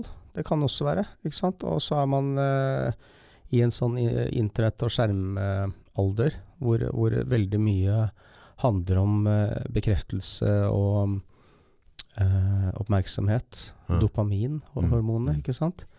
Eh, og, og heldigvis er det mange som konkurrerer og, og har eh, enten det er business eller idrett eller eh, mosjon for den saks skyld. Det er en måte å holde oss litt sånn litt mannlige på, da, Ja, ja, på sett og vis. da. Men, eh, men det er jo det er ikke for uten grunn at uh, mannsrollen er veldig diskutert og debattert om dagen, og spesielt gutters rolle i skolen. Mm. Og det er ikke for uten grunn, altså. Det er, eh, men jeg tror det er i ferd med å snu, som sagt. Ja. Jeg tror det, altså. Så jeg, og det første spørsmålet ditt, om du kan se det på noen? Nei, jeg tror ikke du kan det, altså. Eh, altså Hvis du ikke har litt sånn ekstreme tilfeller og sånn, men, uh, men det, altså ta tatovering. Du har tatoveringer, ikke sant? Ja, det var noe jeg fant på i fylla da jeg var 18 år. Ja, ikke sant? Og, men ikke sant, der fra gamle dager. Ja, Det var keltisk eller noe, men på Ja. den tida der så var jeg litt kriger. Ja, ja, men på den tida så var det også litt sånn at de som hadde tatoveringer da jeg var ung, Mm. det var enten sjømenn eller de som var til fengsel. Ja, Det var bare det. ja, jeg var begge deler. Ja, ja nettopp. Ikke sant? Og, og, det var, eh, og det var en greie, og det har du fortsatt i Japan. Ja. Eh, Ikke sant? På disse yakuzaene som eh, De er ikke så store, men eh, de har fullt av tatoveringer. Mm. Og det er derfor de ikke kommer inn på svømmehall i Japan hvis du har tatovering. Ok, Ikke noe sted. Fordi da slipper inn yakuzaer, og det, det er fælt. det er fælt. Ja ja, men altså, de dreper jo folk. Så, Ja. ja. Ja, da, da er det jo dårlig Ja. Nei, apropos, det var, det var en eller annen bok jeg leste Uff, jeg husker, ja, Samme, jeg er dårlig på hukommelse der. Men det var i hvert fall en sånn, der, eh, sånn eh, fantasibok fra Sverige med en massemorder eller noe. Og så var det sånn stående bak ei jente i kø som det var, var litt plagsom. Så han begynte lot seg irritere over henne, da, for hun Mm. var høylytt og ditt og datt. Så hadde vel hun tatovering på halsen. Til slutt så prikka han hun på, på, på skuldra og så sa at eh, du, det er to typer mennesker som, eh, som har, eh, har tatovering. Og det var, det var hva sa for noe? Det var sjømenn og krigere. ja, ja. Nei, nei det, var, det, var, det er sjømenn og, og, og horer. Ja. Og vi begge vet at du ikke er en sjømann, sånn. Sin stakkars jente. Nei, men før så betydde jo Når jeg og det begynner å bli noen år siden, jeg tok tatovering på tida der, så var det på en måte et statement. Nå kan det være full sleeve Ja, ja. eh, og, og, og leve et vanlig, normalt liv. Da. Men det, det var ikke normalt før. Så det er jo en trend som har skifta på seg. ja, Nå skriver jo folk historia si mer. Ja. Så, så jeg ser det på en måte Hadde jeg, hadde vist, eller hadde jeg, hatt, hadde jeg ikke hatt noen tatovering nå, da, Ja. så hadde jeg ikke tatt det. Men det er, det er spesielt altså Jeg snakka med Dag Thomas om det her på hans podkast uten navn. Ja. Fordi han har ikke tatovering, han heller. Nei. Og vi kan ikke få tatovering, vi nå. For det er, nesten bare vi oss som er rene, på en måte. På Ja, ja, det er kulere å ikke ha det nå, ikke sant? Ja, for alle har. Ja. Eh, men jeg er litt fascinert over disse eh, 17-18 år gamle guttene og jentene som bare tatoverer seg fullt og overalt, og plutselig er facetats en trend. Skal du ha en rundt øyet eller et eller annet? Da må du ha hatt ihjel noen hvis du skal ha Ja, ja, ja, egentlig. så burde ja. det det. da. Hvis de, det kan ikke bare være sånn wannabe-kriminell, for da er det posing. Poser. tatovering på halsen òg. Og Ja. jeg husker fra da jeg var yngre, når det var noe inne i noen fengsler. og Noe greier, Ja. Så, så, så da, da hadde du gjort en del stygge ting. Altså. Ja, ja, men sånn er det ikke nå lenger. Så nå er de på en måte tatoveringene blitt litt utvannet, da. Mm. Uh, men det er jo sånn samfunnet endrer seg jo. Jeg uh, må si jeg er fascinert av disse unge menneskene, fordi jeg husker så godt da jeg vurderte tatovering da jeg var 20 år eller 18 år. Eller, tenkte jeg åssen veit jeg om jeg kommer til å like eller om jeg er den typen jeg er når jeg er 30? Ja. For det er jo en sementering, på en måte. Altså Du fastsetter litt hvem du er, da. Ja. Ut ifra den tatoveringen du maler, maler på deg. Er det ikke sånn vi skal lære å vokse utover i livet? Ja. Du er ikke den samme personen når du er 30 som du er 18. Nei. Og da er det litt dumt å gå og drasse på I hvert fall jeg husker godt fra det jeg var på sånn øh, var på sydentur, husker jeg, og så disse, alle disse engelskmennene på øh, Gran Canaria eller et eller annet sånt sted da jeg var liten. Så var det en kar som hadde tatovert på magen 'seks og pil ned. sånn tjukk øh, ølmage, ikke sant. Og så går han rundt med dødt dattera si ved Den bassengkanten. og Det, det er liksom så Nei, jeg hadde hatt muligheten, så, så jeg tror ikke Jeg tenker vel egentlig ikke så særlig over det. Men, men, eh, men eh, sånn dag til dag så tenker jeg Hadde jeg hadde det ikke vært jævla mye mas, hadde jeg tatt den bort sånn er det nå. For du er mer spesiell uten, egentlig. Ja, faktisk. Ja. så Ikke det at det er om å skal være så spesiell hele tida, men jeg, Og så er det det fokuset på tatoveringer, da, som er i krigen i Ukraina. Det har vi ikke sett før. Det som skjer nå hvor um, de ser på tatoveringen til folk. Har du um, noe som kan tolkes som sovjetisk, eller kommunistisk. Da, da er du ekstremist. Og har du noe som kan tolkes som øhm, høyreorientert, radikal nazist, Ja. så blir du tatt ganske hardt av russerne. Og det inkluderer en del vikingtatoveringer. Gjør det? Ja, sånn som den der tre trekanter som går i hverandre. Det heter et eller annet, husker ikke. Men det er sånn vanlig Og valnute og sånn. Det er sånn eh, vanlige vikingtatoveringer fra gammelt av. Men siden nazistene likte de tatoveringene, så er det mange russere som nå i dag, når de ser det på noen, og tatt, som de har tatt til fange, mm. så kaster de bort en stein til dem og sier uh, ta av. Fjern. Fjern, ja. Hvis ikke, så dør. Ferdig. Da har du et valg. Nå har du jobben. Ja, da har du jobben, ja. Og så det, er, det er en del sånne bilder som kommer fram nå, av folk som driver og har fjerna tatoveringene sine med stein, da, Oi. for å ikke bli drept i fangenskap. Jøss, en navn da. Det er litt voldsomme ting som skjer nå, så jeg bare tenker meg åssen det, dette her med den økende tatoveringsgreia, om det er noe som kommer til i fremtiden. Det var jo sånn etter krigen nå, på annen verdenskrig i hvert fall, det SS-gutta hadde jo blodtypen tatovert Ja, ja. på innsida av armen sin. Mm, mm. Og den ble jo da plukka ut etter krigen, for den var de eneste soldata ja, som var tatoverte. ja. De hadde blodtypen under uh... Ja, ja, riktig. Ja, det er jo også et poeng. Nei, så Men altså, jeg, jeg, tror, jeg tror vi er i en liten sånn endringstid nå. Eh, Ikke bare liten, men eh, det er veldig mye som skjer nå. F.eks. dette med at eh, Norden for første gang er på lag på århundrer. Ja. Det er snart 500 år siden Norge, Sverige, Danmark og Finland var på samme side i en krig. Ok, det var jeg ikke klar over. Ja, det var mot Russland, mot Russland faktisk. Mm. Det har ikke skjedd siden. Og, og Jeg er litt skeptisk når dere bråker med russerne. Ja, ja, det er klart. Jeg liker russere veldig godt, men det er jo litt voldsomt det som skjer i Ukraina nå, uansett hvor de har starta. ja, ja. Og det er brødrefolk. At brødrefolk dreper brødrefolk i seg selv, er jo ekstremt. Men, men det som skjer nå i, Sk i Skandinavia, med Finland, er jo også ganske ekstremt, da. For aldri før har vi hatt mer penger til bruk på forsvar. Og, det skal bygges opp, for det er nesten på null, ikke sant. Det norske forsvaret er jo ikke I praksis er det jo litt sånn Ja. Det har veldig mye gode ressurser der, da. Det har man jo. Ja. Og, men det er blitt kutta til beinet. Ja. Og nå skal man begynne å bygge det opp igjen. da. Og, eh, så det blir jo eh, altså ald- Aldri før har jo Norden vært sterkere. Bare se på jagerflyene. Greit, det er bare 250 stykker, da, men det er jo Det er noe. ja, 100 jag og resten F-35 i eh, Danmark, Finland og, og Sverige. Nei, og Norge. Ja. Eh, 150 stykker. Det er, det er ganske voldsom slagkraft, det, altså. Ja. De kan jo ta rotta på hvilket som helst av russiske fly. Mm. Eh, så så det, er, det, er, det er litt sånn spesielt når man planlegger på en helt ny måte. Det norske forsvaret har jo vært basert på en sånn linje i Troms, Lyngen-linjen, Mm. hvor de skal stoppe russerne. Ja. De greier ikke å stoppe dem på uh, vidda, Nei, nei, da nei, kommer de over, ikke sant. Så de tar dem der hvor det er minst i Norge, Ja. for de regner med at Sverige er nøytralt. Mm. Der, derfor så har russerne også en egen sånn uh, Hva er det heter for noe? Um, bat, um, bat, Bataljon. ikke bataljon, men det heter noe Ikke betong heller. Det er i hvert fall et spesielt type forsvar, Ja. eller angrep. Da, som de, så vi, Norge har vi forberedt angrep på det russiske De har to faser, da, hvor de Ja. skal ta helt opp til Finnmark, og, til, og, og til og med Finnmark, tror jeg. Helt opp til is, eh, Svalbard og Finnmark. Ja. Eller så kan de ta enda lenger ned til Troms og Mm. ut mot Island. Men liksom, der skal russerne komme. Mm. Og så har man forsvar mot det, forberedt planer og sånt, basert på Norge og Nato, men uten Sverige og Finland. Men da er det en helt annen situasjon. For det russerne vet altfor godt, det er at gjennom Finland kan det ikke gå. Nei, Finland er mye sjekke. Nei, nei, men det det har noe med geografi også. Ja. Det er så mange innsjøer. Jeg har vært en del i Finland, og det kan jeg skrive under på. Ja. Nei, Altså, bare se åssen det var i Ukraina da de prøvde å komme seg til Ki- Kiev. Ja. Hvis de ikke kan gå på veiene. Ja.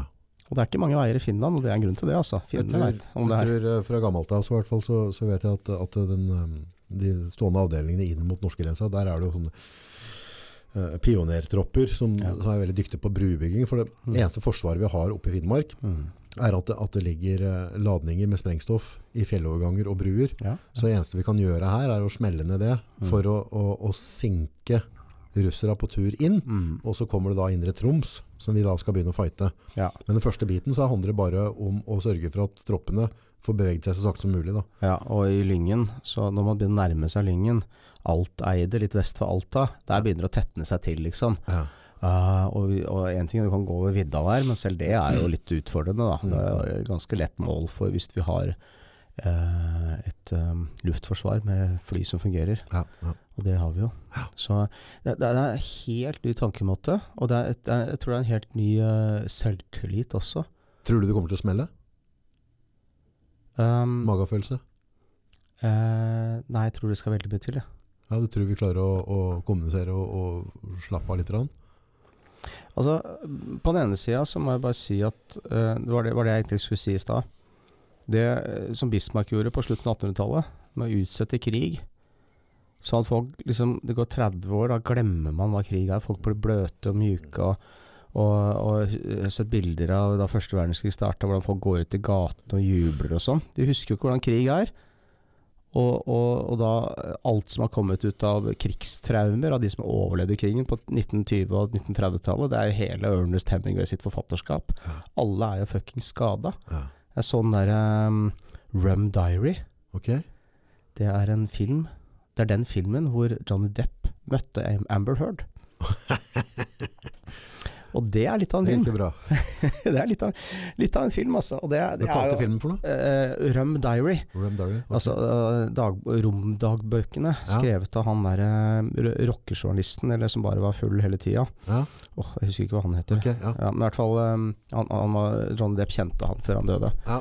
Og, og um, Så det var lett for han å spille den typen. da Mm. Og han skrev jo ganske sånn bonanza-journalistikk, Mm. på spesielt de karibiske øyene. Og, og den uh, Rum Diary handler om Puerto Rico og griske kapitalister og mye korrupsjon. og uh, Men det er ganske fascinerende på veldig mange måter, da for Ja. alle som har sett litt på uh, rettssaken mellom Amber Heard og John Depp også, siden de møtes i den filmen. Men, men det er litt sånn uh, Det er litt, det det er litt pussig hvordan man har en, en hva skal vi si Alle er skada i den filmen nå. Mm. Jeg, jeg, når, jeg, når jeg så den filmen, tenkte jeg veldig på Ernest Hemingway. Og det han skriver om alle de typene. Han beskriver så utrolig godt disse typene som er bare totalt fucked up. De har PTSD, hele gjengen. Ja. Og det har Ernest Hemingway også, selvfølgelig. Ja. så, så, så det er bare å skrive ut traumer, traumer egentlig. Fra, fra mellomkrigstiden og første verdenskrig, og da andre verdenskrig starta, så skulle alle inn der. Til og med Ernest Hemingway med alle de skadene han har, skulle inn der fordi de føler en eller annen form for trygghet med Det er i hvert fall noe de kjenner igjen. Ja. Eller kanskje de vil dø, for den saks skyld. Ja. Men um, før første verdenskrig så har en sånn samme litt sånn fase som vi har hatt nå. For nå har vi også hatt en periode på rundt 30 år Ja. siden muren falt. Hvor uh, vi ikke har vært ute for noen prøvelser. Det har ikke vært behov for mannfolk som deg og meg som kan uh, Altså, det året jeg hadde i militæret, jeg tok sånn ettårig befalsutdanning, det var helt fantastisk. Ja. Og jeg har jo drømt om å ikke krige, men å oppleve lignende ting igjen, Mm, ikke sant. Så jeg burde vært i HV, men HV er jeg blitt kutta ned til beinet også. Ja. Forsvunnet masse avdelinger, hadde sånn eliteavdeling, det er jo helt borte. Ja. Bare for å nedskjære, nedskjære, for det var ikke behov for det, Nei. sa politikerne. Ja. Um, problemet er jo litt når folk ikke husker. Mm. Og for meg er det en trygghet å leve med frykt. ja, du er vant til det. Ja. Og frykt for atomkrig, frykt for krig, Mm. det er noe jeg kan navigere. Mm. Det som er vanskelig for meg, å navigere sånn her moderne samfunn med en ekstrem, etter mitt, min erfaring, fintfølenhet. Mm. Og sånn, sånn, jeg er litt uvøren av meg, så jeg sier masse ting, så plutselig er jeg krenka folk uten at jeg veit det. ikke sant? Det er Ja. ikke meninga. Men nå er det jo til og med opplæringsloven. For I skolen så er det jo Du tar ikke hensyn til hva som er hensikten Nei. med hva du sier. Det er hvordan det oppleves. Ja, ja. Og da kan da hvem som helst si hva som helst av hvordan de opplevde ting. Altså Der har du hele metoo-greia, ikke sant. Ja. På sett og vis også. Jeg opplevde at du krenka meg. Ja. Um, ja vel, ok, greit. Jeg så en sånn dame her nå nylig som var ute, en skuespiller, og liksom eh, Ja, han er fæle Weinstein, og han var jo fæl, da. Mm. Men hele Hollywood er jo sånn. Ja. Det tiltrekker seg fæle mennesker også. Mm. Dessverre, altså. På godt og vondt.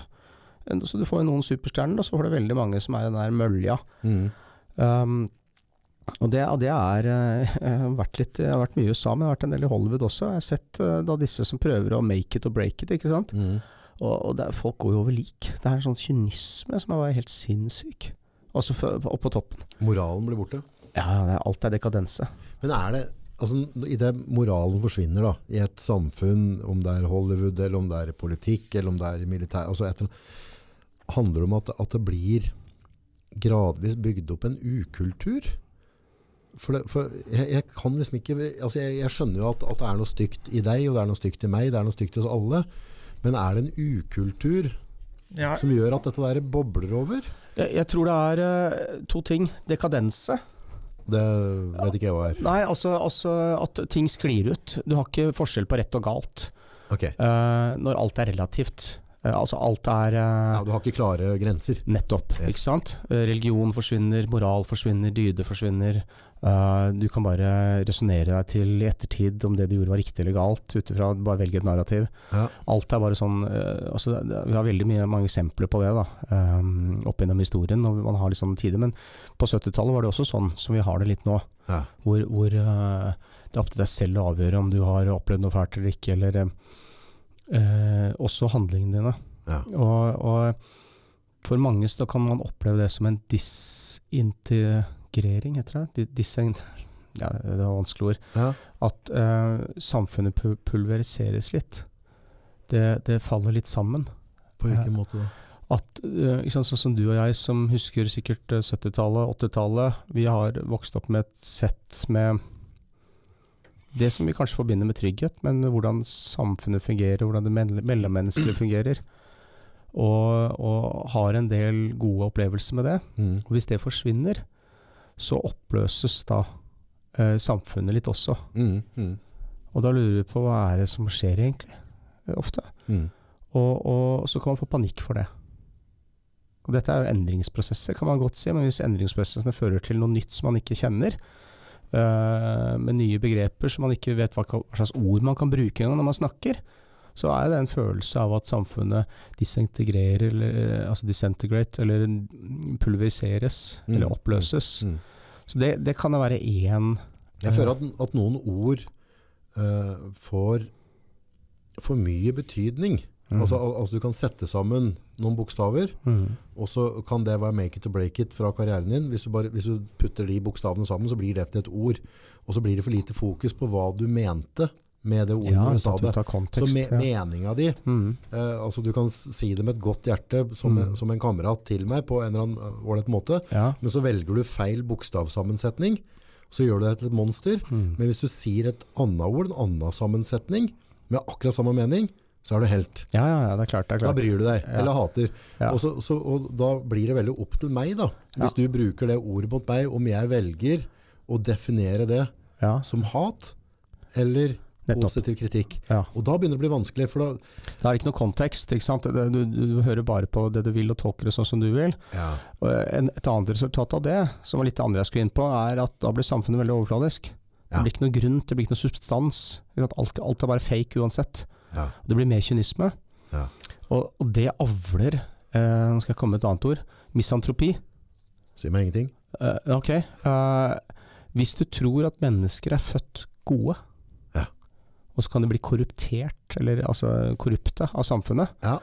uh, da uh, er du ikke misantrop. At, at alle mennesker har noe godt i seg når de er født. ikke sant? At, Mm. Tenk på den der berømte boken 'Fluenes herre', hvor en gjeng med ungdommer havner på en øde øy, Mm. og så kommer bare det verste i menneskenaturen ut. Mm. Uh, fordi det bor i genene våre, eller et eller annet sånt. ikke Ja, sant? ja, ja. Uh, jeg opplever at veldig mange politikere og maktpersoner er misantroper. For de har den kynismen som skal til for å få makt. Mm. Og jeg tror veldig mye av dette her handler om makt også. Mm. Ikke nødvendigvis den politikken og innholdet i det, men at det er bare rett og slett å grave til seg mest mulig makt. Nærmest ubevisst også for mange. Du skal kontrollere folk for å ta ansvar. Ikke sant? Nå må vi gjennom... eh, Vi har et veldig gjennomregulert samfunn. Ja. Men jeg opplever at det har blitt verre med årene. Handlingsrommet, f.eks. Ta, ta, ta biltrafikken. Ja. Eh, altså, Den offisielle holdningen til Norge er at vi skal ha null i trafikkdød. Ja. Det vil jo aldri skje. Altså, hva slags holdning er det? Det skal gjøre da ved å redusere fartsgrensene mer og mer og mer. ikke sant? Så vi kjører 20 snart. I Oslo var skulle foreslå at det skal være 30-grense i hele Oslo sentrum. Mm.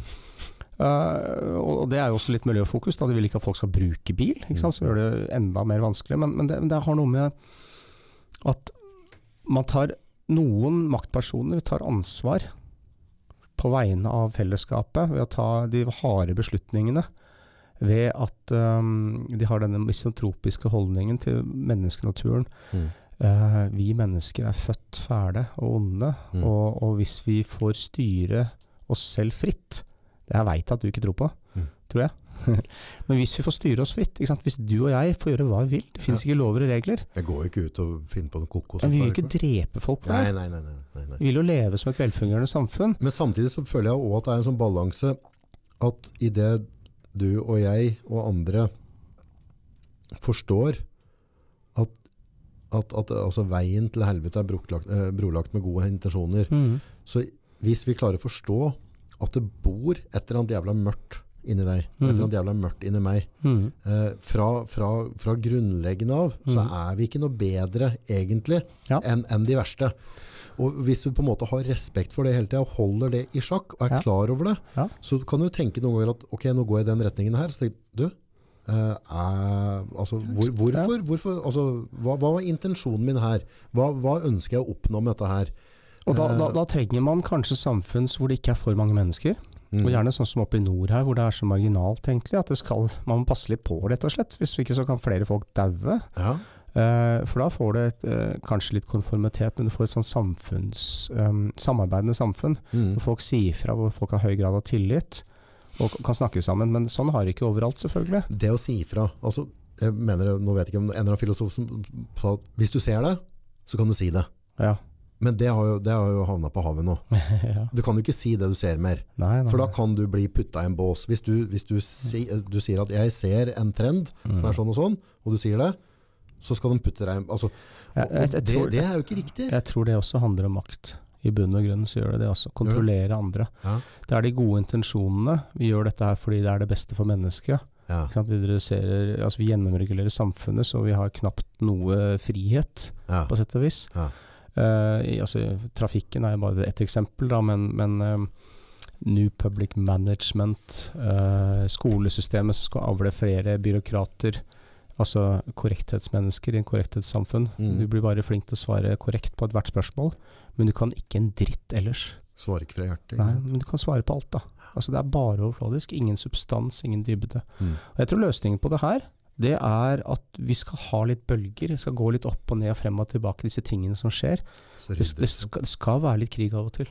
tidvannet Vi tar det med seg. på Ja, vi skal kjenne på frykt, skal altså det, det, er, det er det normale vi mennesker har levd med i Mm, tu, mm, mm. titusenvis av år. Og for mange sånn som meg, så er jo den en form for trygghet i seg sjøl. Mm. For uh, det er normalt for jegertypen, kanskje, Mm. Å, og sove lett.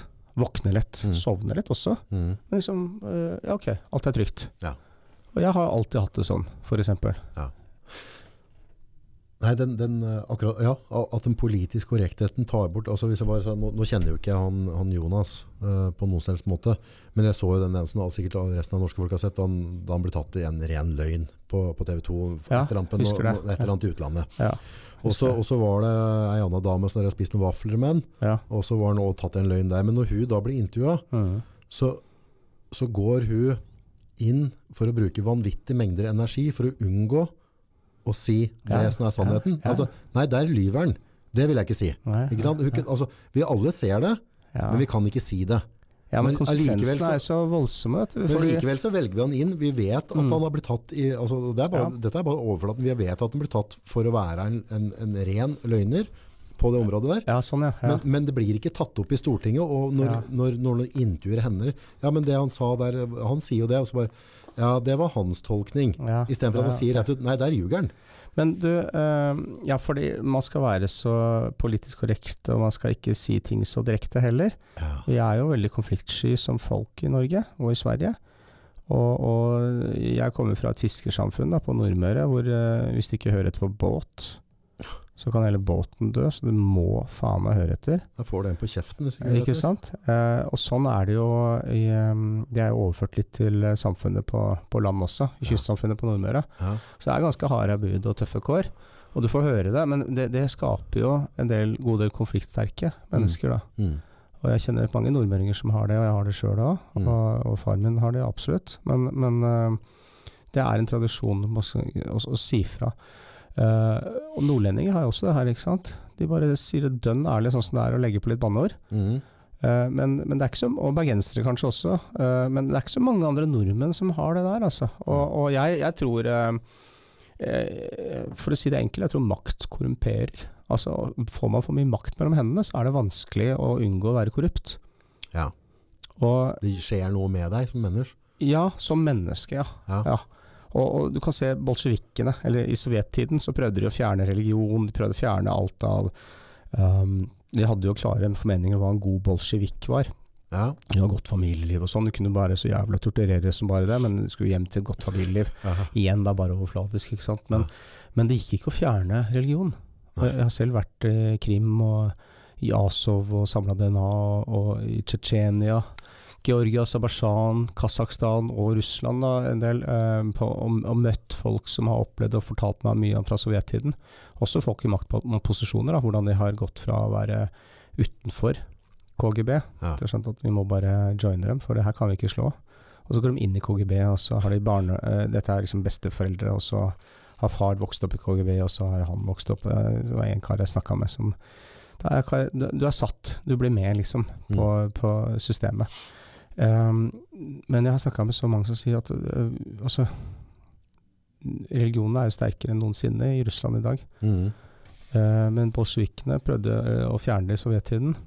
Men hvis du fjerner religion, så kommer nok folk til å finne noe tro på uansett. Ja. Bare erstatter det med noe nytt. Ja. Fordi det er også en del av vår men menneskenatur. Har et behov for å tro på noe. Ja. Og det tror jeg er viktig å respektere. Vi kan ikke fjerne religion som man har trodd. Det har vi lært i hvert fall de siste 120 årene. Men så er det noe med det derre Altså, det, er ikke sunt for et menneske å ha makt og kontroll over så mange mennesker. Eh, tenker jeg. Fordi du blir korrupt. Du blir, det går til huet på deg Ja. på alle mulige måter, og vi ser det gang på gang på gang. Mm. Og det er uansett parti, det der. Og, og jeg tror ikke det er mulig ja, for en um, politiker å jeg hva slags liv du skal leve. Jeg har møtt på en del sånne, spesielt uh, unge kvinner som skal bli politikere. De kan ikke gjøre en dritt. De tør ikke gå på fylla, de tør ikke gjøre noe. Fordi de er redd for at de skal få et eller annet plett på, på rullebladet sitt, holdt jeg på å si. Eller på uh, ja, noen rykter om seg som kan ta dem seinere når de skal bli politi politikere. Altså, de, har, de opplever ikke, de har ikke levd, de har ikke hatt en jobb engang. Nei. Og så skal du styre og bestemme, og så får hun så mye makt. Mm. Og, og det er da de kan bli fort misantroper også, fordi de tenker 'herregud, så dumme folk her'. De er som sauer. Ja. Så nå må vi styre på vegne av dem. Ikke sant? Og det er den følelsen jeg har hatt sånn der, hvis, jeg- hvis, jeg, hvis jeg spør Nå, nå kjenner ikke jeg noen sånne store politikere, men hvis jeg spør folk som er sånn politi, altså politisk orienterte, da, eller altså veldig gode på dette her, så føler jeg altså, sånn, Hvis jeg ser intervjuer òg, så er det sånn der, hvis du stiller et, et spørsmål da, Mm. med hvorfor er det altså, Sett det her, lille gutten min. Altså, Ja. dette, dette blir litt for vanskelig jeg forstår. Så, så vi gjør det enkelt, og så bare følger du dette her. Men, men, eh, Ja. men dette er over din uh, IQ. Fatteevne. Ja, å, så, så, og, og det jeg opplever noen ganger, er at, at politikk egentlig Hvis du bare følger magefølelsen og er et decent menneske, Mm. så trenger ikke ting å være så komplisert. Altså, om, du, om du snakker på den gassledningen ut og ditt og datt, vindmøller opp og ned i mente, Mm. og så, så kompliserer de det så mye, så, så du, du skjønner ingenting til slutt. Ja. Men når alt koker ned til benet, skal vi ha den eller ikke skal vi ha den? Hva vil folket? Vi vil ikke ha sant? Ferdig. Og da er det ikke noe mer å diskutere rundt det. Ja, Man trenger ikke gjøre det mer komplisert, ikke sant? Jeg var jo veldig sinna på Arbeiderpartiet på, på 90-tallet, for jeg var en av de som- stemte nei til EU i 94. Ja, der bomma du. Ja, og så kommer da Jagland eh, ett eller to år seinere, da han skulle bygge Det norske hus, og, og, og sier så utrolig ovenfra ned, sånn hovent nærmest. Ikke sant? Det var i hvert fall sånn jeg oppfattet Ja, det. dette forstår ikke du, lille venn. Nei, men det var selvfølgelig skal vi inn i EU. Ja. Folk må bare forstå hva EU er. Ja. Altså, altså det, Dere var jo bare bønder og sauer og stemte feil. Så det er bare et spørsmål om tid før vi skal inn i EU, sa han. Jeg ble så provosert. Ja. Neste som skjedde, var at det kom sånne regler fra EU om krumningen på agurken og sånn. Liksom, helt absurde. Det var så voldsomt. Og, og vi er jo mer integrert enn veldig mange EU-land Det er sjukt. til. EU ja, på regulativer og, og, og lovverk. Så, så det var klart, jeg gikk jo ut her og sa noe på podkasten til Wolfgang V om, om ACER og sånn. Jeg var veldig imot det. Mm. Så kommer selvfølgelig en eller annen sånn fjott da, som skal være bedreviter og si at det her forstår dere ingenting på. ikke sant? Så tar de personen istedenfor å ta saken. Ja. Og det er helt greit at folk har forskjellig syn på ting. Og Ja. det må vi akseptere. Ja. Og det syns jeg er helt greit, det. For eh, Da burde du akseptere den to ganger avstemninga vi hadde, da. Ja, ja, for jeg har jo opplevd det der før, ikke sant. Jeg har jo jeg har sett så mange ganger før hvordan eh, folk sier eh, Ja, men sett, se her, da. Hvis én pluss én blir to, men, og tre er der og, og så, Det er ikke mulig at vi skal bli mer kontrollert av EU eller Europa uh, pga. ACER f.eks. Ja, men hva med indirekte, da? Mm. Hva med det andre som egentlig handler om makt, som vi ikke kan kjenne eller føle på? Mm. Det som gjør at du blir låst i praksis. Mm. Sånn som Merkel i Tyskland, som plutselig skal ha oljeledning fra Russland til Tyskland. Bestemte hun for fem år siden. Mm. Eh, det er så idiotisk, nå blir den skrota, da, men eh, det, er, det, er, altså, det, er, det er så vanvittig idiotisk og naivt at selv i dag er det uforståelig at lederen av Tyskland Ja. ville det. Kunne si noe sånt. Ja, helt, helt vanvittig. Altså, men det, det er mange tyskere som klør seg i huet over akkurat det nå også, da. Så, Ja, ja. Nei, der, men der igjen så har vi den der ukulturen. Sånn, og og, og, og det, jeg tror jeg var noe Lurer på om det var Joe Rogan. Jeg hørte en episode en eller annen sånn uh, jerngubbe, holdt jeg på å si. Som pratet på sånn forhold til fra krigen eller ditt og datt. Også den biten der. Men hvis du blir en del av, altså hvis du blir en del av noe som oppfattes som en elite, så blir det deg og den gjengen din mot dem andre. Og så kan du gjøre fæle ting. Altså du kan ta deg rettigheter, for, for dem er ikke en del av deg. ja. Og, da, og da, da fjerner vi litt den der, da fjerner vi det at du og jeg faktisk er brødre fra DNA, at vi vi er fra Ja. samme herkost. Ja. Og vi skal bry oss hverandre, men så lenge jeg er på det, den Ja. sida, og du er på den sida, så, så kan jeg trampe på deg så mye jeg vil. For, for, for dine følelser teller ikke, for du er ikke en del av eliten. ja. Og det er skummelt.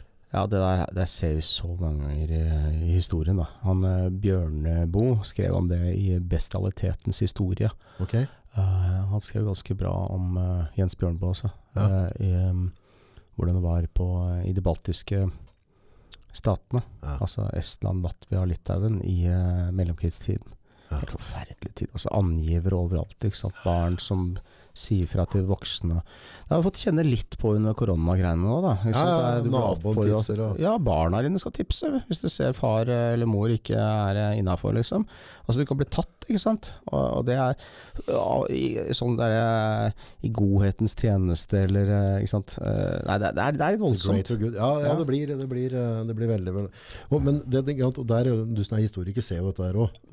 mye bedre enn enn det jeg klarer å se. Men du, du ser eh, du prøver, Under annen verdenskrig da, så prater de på mm, at eh, Stalin, de skjøt sine egne hvis de gikk tilbake og rykka Ja, bak. Ja. Mm. Og så sitter jeg og ser noen dokumentarer på første verdenskrig. Mm. Engelskmenn gjorde det samme med sine. Mm, mm. De hadde jo folk som sto i skyttergravene og skjøt gutta sine i, hvis de kom tilbake igjen. Mm. Og så har du eh, RAF Mm. med de Lancaster-bomberne sine. Så, så de drev bomba da militære mål, ikke sant? stakk ut kurs og ditt og datt, og så viste det at de fikk ikke ned produksjonen på tyskere. Og likevel klarte de å produsere. Så fant de ut, nei, da tar vi hele byen. Mm. For det er jo de, de sivile, de jobber jo på de fabrikka. Teppebombing. Ja, teppebombing, og så sprenger de først for å slå av taket, og så slipper de brannbomber etterpå. Ja. Og de sier at det, på, det siste året de drev med den bom- brannbombinga, Mm. så var det bortkasta, for, for tyskerne var på knærne likevel. Mm. Men av at det var fikk- oss mot nazi, Ja. så, så fikk da de på en måte Churchill og alle en sånn legitimitet Mm. å drepe kvinner og barn allikevel.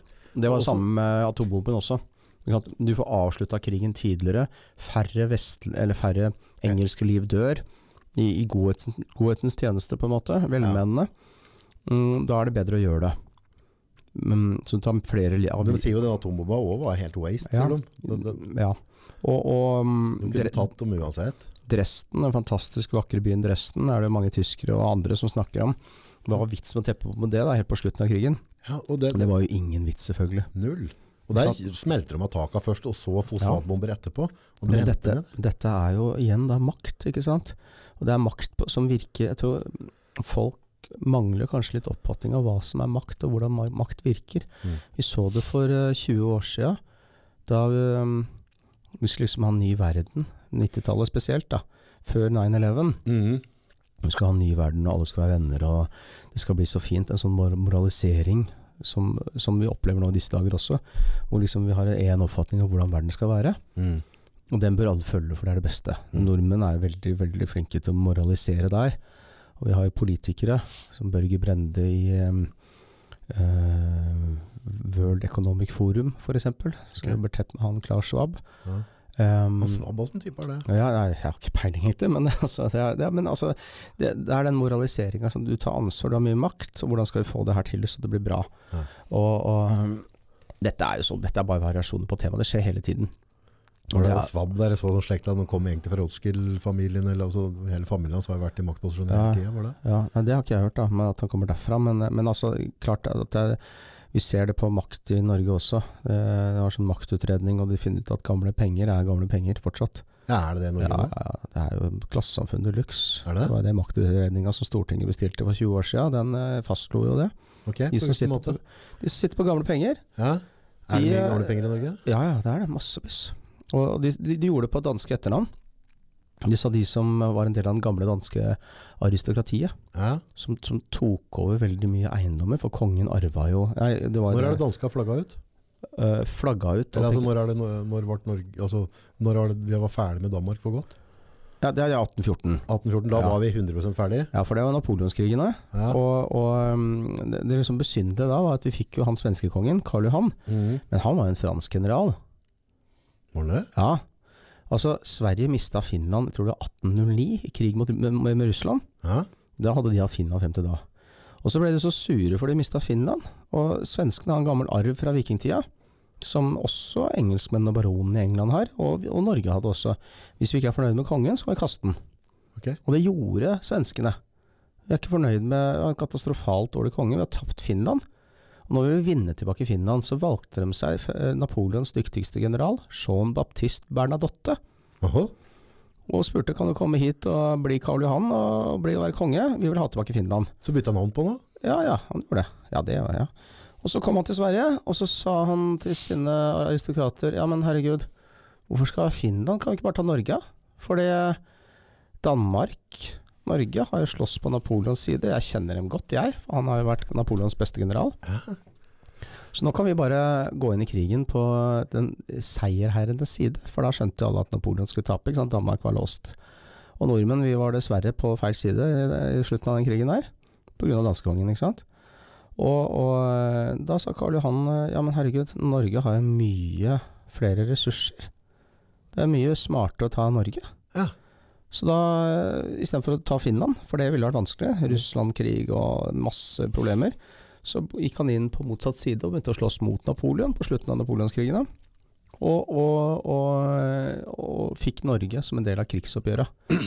Og han dreit jo i Færøyene og Island og Grønland. Ja, Det var ikke viktig for han. Nei, det var ikke viktig for han. Han ville bare ha Norge, han. Ja. For da har han gjort jobben sin. Det var derfor sånn han ble konge. Bernadottene styrer jo fortsatt i Sverige som konger, Ok. sammen med kongefamilien. Jaha. Det hans arvinger. Men, eh, men det er klart, det er jo en sånn eh, Da forsvant danske adelen og danske kongen. Mm. Men de danske etternavnene fortsatte jo. De satt jo på maktposisjoner, for de hadde gifta seg strategisk med hverandre. Eh, de Så det er penger som Ja, ja, har ja. Og Helt fra den tida ja, er i fra Norge nå? 1500-tallet, da de første kom. Ja, Fru. Inger, f- har du hørt eh, Ibsen sitt skuespill, fru, fru Inger til Austrott? Nei, det jeg. Nei, det er et av skuespillene hans som Ja. er ja, sikkert berømte. Men, eh, men eh, det handler om en nei, unnskyld, Norges rikeste kvinne Mhm. på 1500-tallet. Hun fikk fem døtre, og de fem døtrene gifta han seg. Dette var den nye dansketiden, hvor det skulle være, det var Kalmarunionen, det skulle være liksom Norge, Sverige, Danmark sammen. Mhm. Og så funka ikke det, da. Og det var litt fordi Norge hadde mista veldig mange mennesker i eh, svartedauden. Stemmer. Og veldig mye av adelen forsvant også. Den uradelen, som det kalles, da. Samme som i Tyskland, det er uradel fra vikingtiden. Veldig mye av det forsvant, og, og da hadde vi ikke nok folk igjen, rett og slett. Så vi ble overrumpla av danskene. Og, og noen løste det ved å liksom sige ned i bondestanden. Mm. Alle som heter Myklebust, f.eks. Ja. Mykkel Bustad. Altså storgård. Ja. For disse adelen hadde jo gods. De hadde jo flere eiendommer over- overalt. Det var jo helt normalt det på den tida. 1500-tallet, ikke sant. Ja. Men når danskekongen tok over, så mista uradelen, som ikke innordna seg, mista alle eiendommene bortsett fra hovedgården de hadde. Den hovedgården er storgården. Og storgård på den tida het Mykkel Bustad. Ja. Myklebust. Yes. Alle Mykleby, Myklebust, eh, så variasjoner på det navnet, er jo gammel uradel no. i, eh, i Norge. Men så var det noen som ikke ble til bønder. Altså, så vi hadde mest oppegående bondestanden, vi. Skriveføre alt mulig. På 1500- og 1600-tallet. Ja. Det det er veldig spesielt. Og det er jo de som startet bondepartiene. Okay. Uh, som ble til um, Senterpartiet, som sitter i regjering, regjering nå. ikke sant? Og det var de som eh, var for urbanisering av immigrerte inn til byen. Altså ikke eldstesønnene, men de andre. Mhm. Og starta Arbeiderpartiet. Altså, de de var ganske evnesterke. Ja Det er jo rester av den gamle uradelen som styrer Norge i dag. Ja. Altså SV er jo ikke med, ikke det er Senterpartiet og Arbeiderpartiet. Ja. Så det er litt sånn morsomt eh, å, å, å tenke på på den måten. Men Frigger til Austrått, hun fikk fem døtre. Og hun løste denne danske trusselen ved å gifte bort alle fem døtrene til danske adelsmenn. Som ikke var veldig høyt oppe i dansk adel, det var lavadel Ja. som kom til Norge. Høyadelen ble jo i Danmark. Ja. Og eh, da fikk jo de eiendommer. Altså Så godsene til fru Inger Austrått ble jo delt opp Mhm. til disse svigersønnene som overtok. Bille og en del av disse etternavnene som fortsatt lever i Norge i dag. Mm. Og, eh, og eh, det var en maktutredning da for 20 år siden, hvor de så på bl.a. etternavn. Og ser da at de med danske etternavn som tilhører, eller som stammer fra den gamle danske adelen, Mhm. de utgjør i dag 7 av befolkninga. Mhm. Men hvis man måler på makt, og det er da, da er det målt på politisk, økonomisk eller kulturell makt, Mm. bare på de som sitter i posisjoner, Mm. Uh, og økonomisk er vel litt penger over, jeg tror, så kommer det til at den danske adelen på 7% sitter på 26 Oi. av det som defineres som makt i Norge, i 2002 ca. Og det er ganske mye. Det er veldig mye. Det skal, skal egentlig være 7 er 7 ikke sant? Hvis Ja, du skal ha ja, ja, skal Tenk deg 100 år med utjevning av forskjeller og sosialdemokrati. Mm. Eh, så er det ikke 100, da, men det begynner å nærme seg. Så, så, så burde jo vi ha greid å utjevne forskjeller. Eller kan vi tenke oss hva det var da, for 100 år siden? Det er en annen ting. Hvis det er 26% nå, var det kanskje 50% da. Ja. Og en annen ting er at dette er over hele, hele landet. Så det er klart at det er enda mer makt konsentrert i Østlandet i Oslo. Ja. Da er prosenten høyere, det er ingen tvil om det. Det er ikke så For det, er ja, men altså De fleste med dansk etternavn bor jo i Oslo og omegn. Ja. Så, så det er en skjevhet fra gammelt av. Og det er igjen dette her med makt. Jeg tror um, det er en sånn illusjon at vi lever i et sånn veldig uh, lite korrupt land, og det som vi bare kaller det noe annet. Det handler om makt. Mm. Og makt kan være så makt. Uh, men makt er å kontrollere mennesker for i godhetens navn, på vegne av øh, flertallet, tar du ansvar, ikke sant? Mm. Ofte blir det veldig, veldig gærent når du skal ut og redde verden og sånn for norske oljepenger, eller hva det skal være. Ja. Eh, Erik Solheim var den første som var voldsom på det. For jeg husker Alle fikk jo sjokk over hele Norge da de så på Dagsrevyen i ja, 2000, var det vel noe sånt? Et eller annet. over det i Sri Lanka um, Ja, eller var det Indonesia? De begynte i hvert fall å brenne norske flagg og var kjempesinna på Norge. Det var Erik Solheim som skulle skape fred. Uh, og det slo jo så enormt feil. Terje Tvedt, han vannmannen Terje Tvedt, historikeren, Ja. han har, han har skrevet noen bøker om det der. Den norske bistandspolitikken. Ja. Uh, og ekstremt mange penger vi har brukt i godhetens tjeneste for å moralisere og si dere bør leve som oss, for vi er jo lykkelige. Uh, men uh, jeg har vært mange, i mange steder hvor det er fattige folk som bor, og lykke er noe helt annet for dem. Og jeg vil kanskje si at mange av dem er mer lykkelige enn uh, mange som stresser rundt i tidsklemma i Oslo f.eks. Mm. Det her uh, kommer på å definere som lykke. Her er jo nedsylta i gjeld her, som oftest i Norge.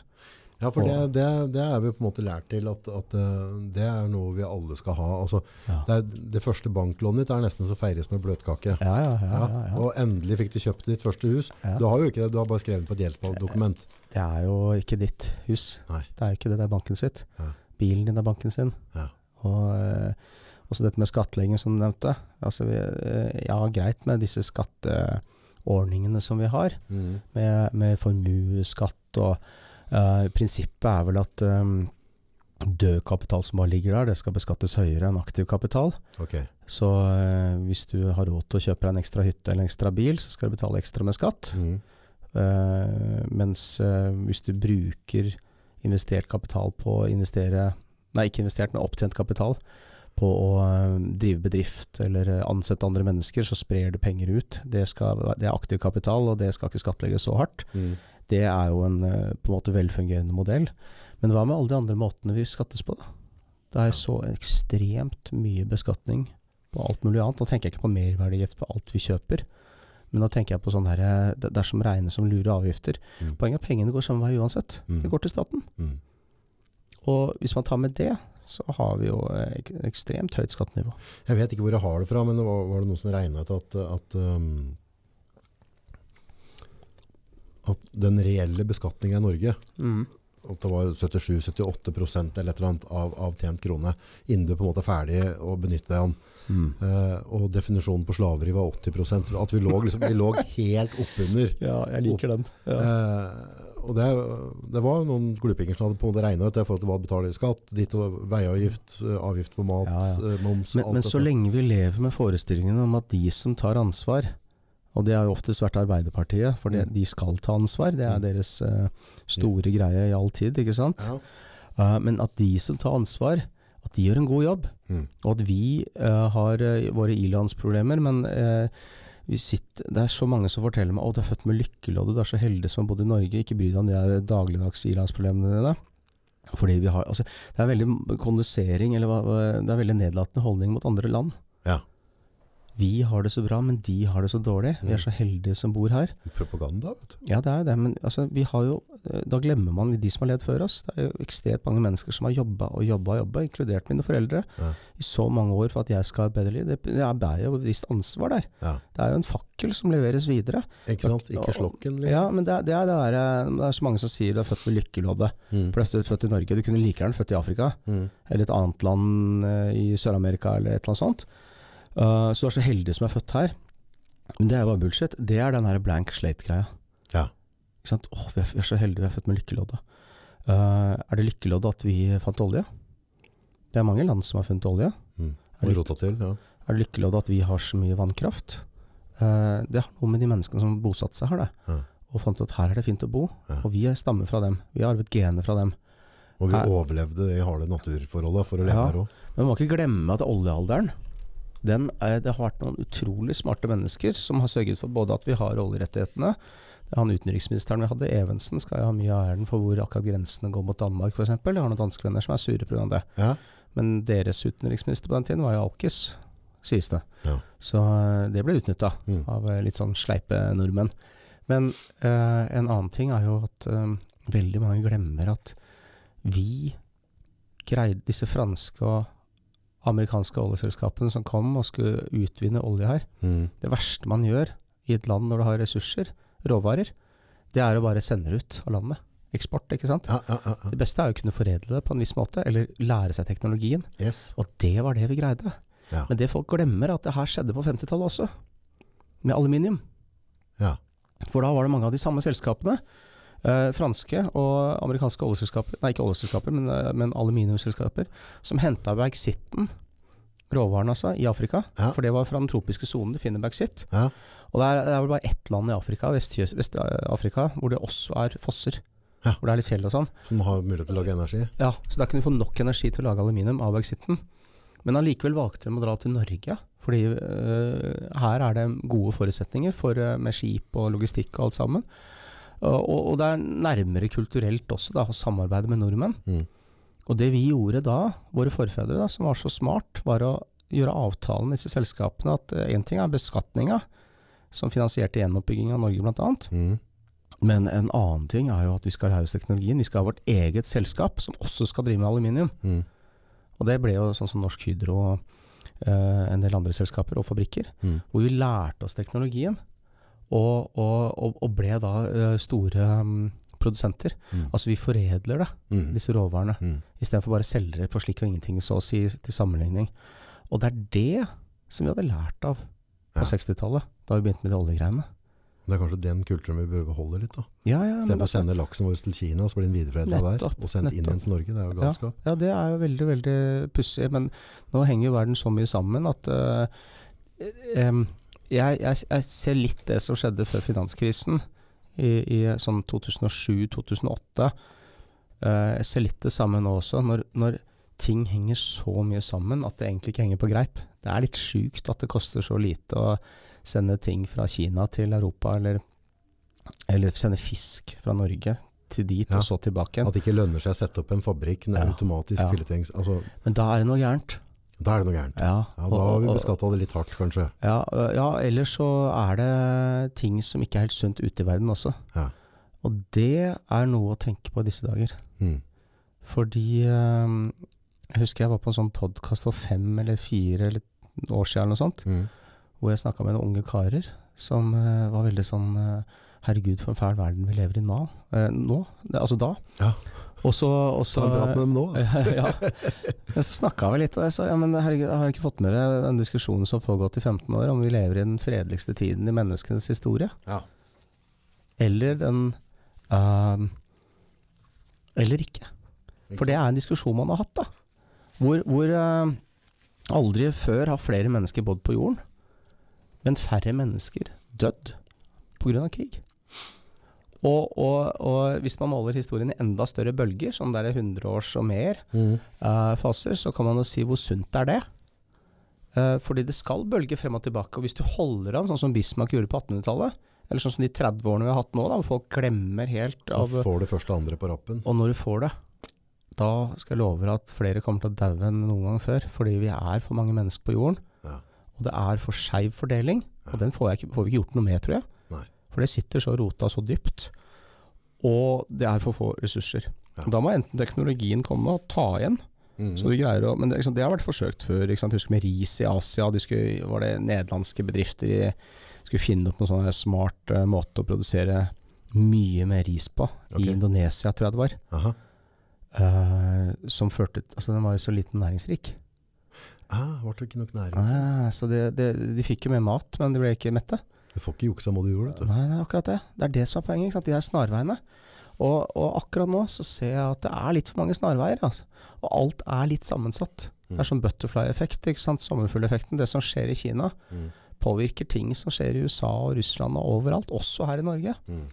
Og når det er så sammensatt, da er det ikke sunt. Og det er det jeg ser nå som eh, vi så for 14-15 år siden, før finanskrisen, som vi så på slutten av 90-tallet. For litt over 20 år siden, eh, før denne internettboblen sprakk. Mhm. Som garantert var på 80-tallet, med jappetid og alt det som skjedde da. Det er en del ting som er veldig usunt på 70-tallet også, da. Men eh, det er den andre 20 årssykluser på et Mm. annet tematikk. Men det som er nå, kulminerer litt, da. Det er eh, eh, Altså når det er strukket. Det som Og det første tegnet som gjorde at jeg ble litt ekstra urolig, var i januar. Da i Kina så utbetaler de ekstralønn i forbindelse med kinesisk nyttår i slutten av januar. Ja. Og disse store selskapene i Kina, eiendomsselskapene og sånt, Evergreen var det ene, har så problemer med å betale ut lønn, rett og slett. For det er så enormt mange ansatte. Uh, og de er så strukket økonomisk. De har pushet den der logistikkgreia så langt at uh, jeg er litt i tvil ja, om hvor smart det er å sitte på aksjer akkurat nå. Mm. Men råvarer, Det er ikke dumt. det er ikke dumt. Gull, f.eks. Men hvis du ser den historiske Blingser. Blingser. Hvis, hvis du, hvis du, hvis du um, ser på den historiske tidslinja da, fra, fra langt bak og til nå i dag, Mm. for det, det er ikke verre enn å gå på, på Wikipedia og så søke store kriger, så ser vi, altså, Mm. de har jo kommet som perler på snor. Ja, ja, ja. ja. Eh, hvordan, altså, hvordan ser tidslinja i verden ut forhold til hvor vi er nå, tenker du? Altså, er, det, er, det, er tida inne igjen? Altså, det, er, det, er, det, er jo litt komplisert, for den største feil man normalt gjør når vi skal våge oss å tenke sånne store tanker, Ja, er at vi bommer på målestokk. ok. Eh, Som å lese et kart, ikke sant. Ja. Plutselig er det en liten dal når det egentlig er en stor dal, eller et eller annet. Altså, altså man, man bommer litt, Mm, mm, og, og det må vi bare regne at man gjør. Um, rent sånn syklisk, sånn med tanke på at vi har hatt eh, store kriser, kom, kombinasjon klima og pest, mm. hvert 1500 år cirka, de siste 4500 årene, Mm. så er det jo ikke, det er ikke en kul statistikk. Det er ikke det? Nei, men altså så har vi svartedauden, det var også den lille istiden, og det er sju Det er, det er jo mm, 650 år siden. Mm. Så egentlig så skal ikke dette her skje om 50 år, hvis vi måler på den, da. Det er veldig mange sånne målestokk man har. Mm. Så om først 50 år, så 80 kanskje, da skal det skli ut. Mm. og bli en ny massedød. Hm. Eh, fordi vi ser sånn mønster ca. hvert 1500 år. Men dette, dette er ikke fastsatt på årstall. Uh, men det er trender. Og trender. Ja, og de blir trigget selvfølgelig av eh, sånn eh, Hva skjer hvis du går fra tre milliarder mennesker på jorden i 1960 til sju nå, og snart åtte og ni skal det vel bli i 2040 ifølge FN? Mm. Det skjer jo ikke. Så det er klart at det vil jo trigge eh, sånne ting som man snakker om mm, Det er så mange som skriker ut om klimaet om dagen også, men altså alt sånt mm. påvirker jo. Og skaper sånn rush i det. Jeg husker så veldig godt Al Gore da han fikk fredsprisen for eh, den filmen han lagde, og sto der og sa vi har ti år igjen før verden går under. Ikke sant? Det, det er så viktig, og folk ble hysteriske. Eh, og så ble det rolig, og så gikk ikke verden under. Og nå har vi det igjen, ikke sant. Og det, engasjementet er kjempebra. Jeg er glad i klimasaken, jeg også, bare for å ha sagt det, August. Ja. For jeg husker så godt på 90-tallet, og folk dreit jo i klimaet da.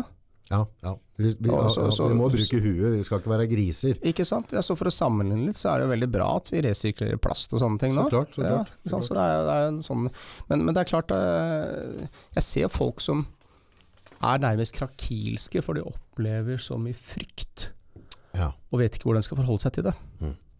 Og det er litt trist. Det er kanskje bra at noen som husker sist gang vi levde med, med mer frykt. Mm. For dette er jo ingenting, det her. Det, det, altså, Den kalde krigen, den, det var Ja. ganske heftig. Altså, Dette her er ja, ja, men- ja, ja, men dette er ingenting. Altså, jeg, jeg skjønner at alt er relativt, og det er hvordan opplevelsen er hos de som opplever frykt. Altså, så jeg skal, ikke, jeg skal ikke hoverere og nedlate og sånn. Men jeg prøver å sette litt i perspektiv at det var ganske ekstremt det der å vokse opp og tenke at alle i Øst-Europa er skitne mennesker, og, og mistenkeliggjøre alt østover. Og leve med hva skjer hvis russerne kommer og, og altså, det, er sånn, det er sånn trangt pusterom der. Mm. At du, du, det, er, som å løpe med gassmaske, eller vernemaske som de sier i militæret, Mm. hvis du har gjort det. Det, det er litt uh, traumatiserende, for å si det mildt. Mm. Uh, men det er noe man skal prøve en gang i livet, tror jeg. Mm. Men altså um, Det er derfor jeg prøver å si at jeg uh, kjenner litt trygghet på det som skjer nå, jeg. Ja. Eh, men det er også fordi jeg veit at jeg overlever. Og nå har jeg unger, så jeg må sørge for at de overlever, da. Har ikke noe valg. Jeg må jo det, Mm. ikke sant. Og, men, men eh, det er klart Det er nok litt, litt viktig hvem vennene dine er. For det er godt mulig at du ikke greier å overleve aleine. Mm. Og det vi opplever nå, med så mange mennesker som eh, på en måte eh, bommer litt, kanskje, eller er litt for krakilske, eller er litt for følsomme, eller er litt for eh, eh, Hva skal vi si Lite kriger, eller lite jeger, eller um, Som ikke er i kontakt med seg selv, kanskje. Mm. Som lever litt for mye i sånn digital internettverden og sånn. Det er ikke de du skal nødvendigvis ha som venner, altså. Hvis det det, det Jordan. Peterson sa? Han var det, for noe? Det, er, det er bedre å være um, kriger i en hage enn å være gartner i en krig. Ja, det er en pussig ting å si, men det, Så- er, det er jo sikkert sant, det. skal, du skal ikke rote bort krigeren i deg selv om det er i en fredstid. Ja, ja. Ja. Men, det, det kan men, godt hende at du må ut igjen. men det tror jeg er uunngåelig i en 30-årsperiode, med, med, med voldsom eh, fred sammenlignet med tidligere tider. Mm. eh, og fravær av frykt. Mm. sk og skape latskap. Og den veksten vi har sett på altså mobiltelefoner og Det er, det er, det er, det er helt sjukt, altså. Og det er ikke sunt. Det er ikke sunt. Og den backlashen, den, den Hvis du spør meg om magefølelsen, så tror jeg den kommer. Ja. Mm. Men så er spørsmålet hvor hard blir den? Mm. Og akkurat nå så går det ikke helt riktig vei, da, med steile fronter, og vi har til og med en nordmann som leder Nato. Og, og eh, Det er jeg ikke komfortabel med. Nei, det kan jeg godt skjønne. Ja, det er Men altså, altså det er jo, Folk er jo veldig fornøyde med han da, i Nato. Ja. Men det er jo fordi han er eh, den han er, da. Ja. Sånn som vi kjenner han i Norge, er han jo der. Ja. Og akkurat det er han jo flink på. Tåkeprat. Ja, det var dine ord. Jeg sa ikke sånn Nei, jeg, nei altså, jeg, igjen, jeg kjenner han ikke heller, men jeg har bare aldri forstått meg på, på hva han sier. Jeg har, jeg har som sagt eh, vært litt i sånne Prøvde å si det i stad. Jeg har vært litt i sånne miljøer da, hvor, hvor det er Når du kommer høyt opp i maktens verden, jo mer du kommer, jo mer Det er så kynisk og glatt og overfladisk og voldsomt. Og enkeltpersoner blir dratt opp og hauset opp, og de sitter på så mye makt. Mm. Og det blir maktpersoner. Mm. Og jeg skal si deg, August, det har vært ubehagelig å være nær dem. Og bli kjent med dem. Du kjenner det, liksom? Ja, ja, jeg har det. Jeg har fortsatt Jeg, har ikke, jeg preier ikke kontakt, da. Er- Nei, nei, nei, men jeg har jo hatt perioder hvor jeg har. Mm. På grunn av Thor Heyerdahl-greiene som jeg snakket om påska og sånn, Ikke sant? og så ble jeg dratt inn i Explorers Club i New York. Oh, ja. Så det er på grunn av det at jeg har blitt dratt inn en del sånne så, eh, De liker veldig godt nordmenn i New York på Explorers Club. Okay. Når du kommer inn døren her, så står liksom æresmedlemmer på veggen der. Der er liksom Fridtjof Nansen, Tor Herdal og Amundsen. Ja. Liksom, bang. Og så han Hillary fra Mount Everest. Det møter jeg liksom. Så det er jo det er klart det er et spesielt sted å komme dit. Og, så er, du kan jo bli eh, hoverere litt, bare av det alene, Ja. som nordmann. ikke sant? Ja. Men eh, amerikanere elsker også eh, når det er autentisk. Og der er nordmenn flinke. Vi Mm. trenger ikke å behandle folk som de er stjerner, men kan behandle dem som vi kan behandle dem som helt vanlige mennesker. Mm. Og det elsker dem. Hm. I hvert fall de som er veldig rike, eller er veldig, eh, har veldig mye makt. Ja. Men det er klart, vi må jo skjønne hva som skjer, og behandle folk med respekt. Mm. Men du kommer langt med sunn folkeskikk. Ja, gjør det ikke det? Ja, det gjør du. Og det tror jeg er det viktigste. Som disse som er yngre, hvis det er noen yngre som hører på det her, liksom skal vi gamle prate, prate om hvor mye tøffere vi var før i tida. Ja, ja. Men, men eh, det er en del sånne ting som står igjen, altså, for det fins jævlig mange bra folk overalt i alle land. Altså, jeg har vært i masse muslimske land overalt, og det er folk som bruker sunn fornuft og er tøffe. Mm. Det er krigertyper overalt. Mm. Men vi, altså, de, de ser på deg, og, de, og, de, og for Norge, da er det viking. Mm. Og da putter deg en bås med en gang, ikke sant. Mm. Så må du leve ut vikingmyten, da. Mm. Møter du på irer eller folk fra New Zealand eller noe sånt, så forventer at du skal drikke øl med dem. Møter Ja. du på israelere, så forventer du at ja, blir det bråk, så da, da må du være med oss og slåss. Ikke sant? Brasilianere de tenker på svartmetall eller a-ha. Hm. For det, begge deler er så populært i Brasil. Yes. Men du er viking. Er viking. Uh, og da er det en sånn tøffhet å leve opp til, faktisk. Eh, og det er jo sånn morsomt når man reiser til utlandet. Engelskmenn i utlandet har jo det der 1800-talls gentleman-greia når det er i utlandet, Mm. som funker helt til de har tatt øl nummer tre. Ja, ja. Hvor det da blir fotballhooligan. Går fra det ene til det andre. Så, og alle russisktalende mennesker, der er det vodkaen som styrer. Ja. Og akkurat som i USA, så handler det om én ting. Kan du holde drikken din eller ikke? Mm. Altså man- hold your liquor, Mm. ikke sant? Og du får du blir bøtter nedpå med vodka, og jeg er litt heldig, der har jeg gode gener, tror jeg. Mm. Og jeg kan blande sprit, og det går fint, og jeg trenger ikke å ta av selv om jeg har drukket litt. Mm.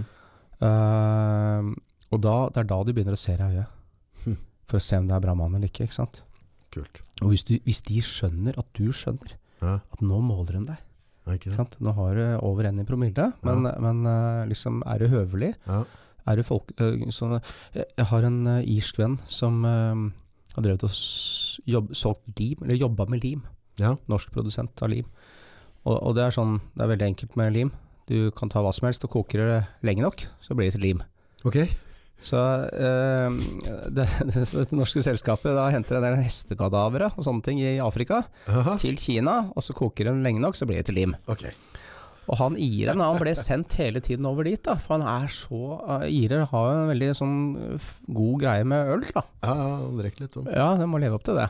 Nå spytter jeg folk i bås her, jeg, men uh, Ja, det er bra.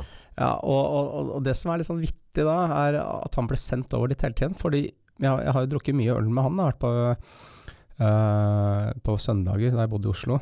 Så var det sånn eh, Frank Snort. De spiller jo fortsatt på søndager. Okay. Nå spiller de på blå, da, men de spilte på Grønlandshagen. Gammel nedlagt politistasjon med grønlandsleire. Mm. Rett over eh, politihuset der. Og eh, der var det jo helt eh, legendarisk i gamle dager. Eller gamle dager, 20 år siden. Jo, det er jo gamle dager. Men, men han Rory har så herlig kar. Han bare smilte mer og mer og mer. Det var så bra. at jeg, sa, jeg, har ikke snakka med ham på lenge nå, for han bor ikke i Norge lenger. Men så jeg savner han skikkelig.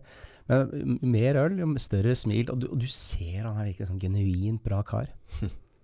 Og han ble ofte sendt bort til kjendiserne, for de hadde også samme greia. Og jeg tror litt av greia er De må se deg full, for da ser de hva slags type du er. Ja. Fordi det er, kanskje fordi vi er så like, alle sammen. En eller annen vestlig dude som vi ikke vet hvem er. Lys i huden og rødt hår, eller, Ja. eller rødt skjegg, eller hva, det skal være. ja. Så vi må se en full. Ja.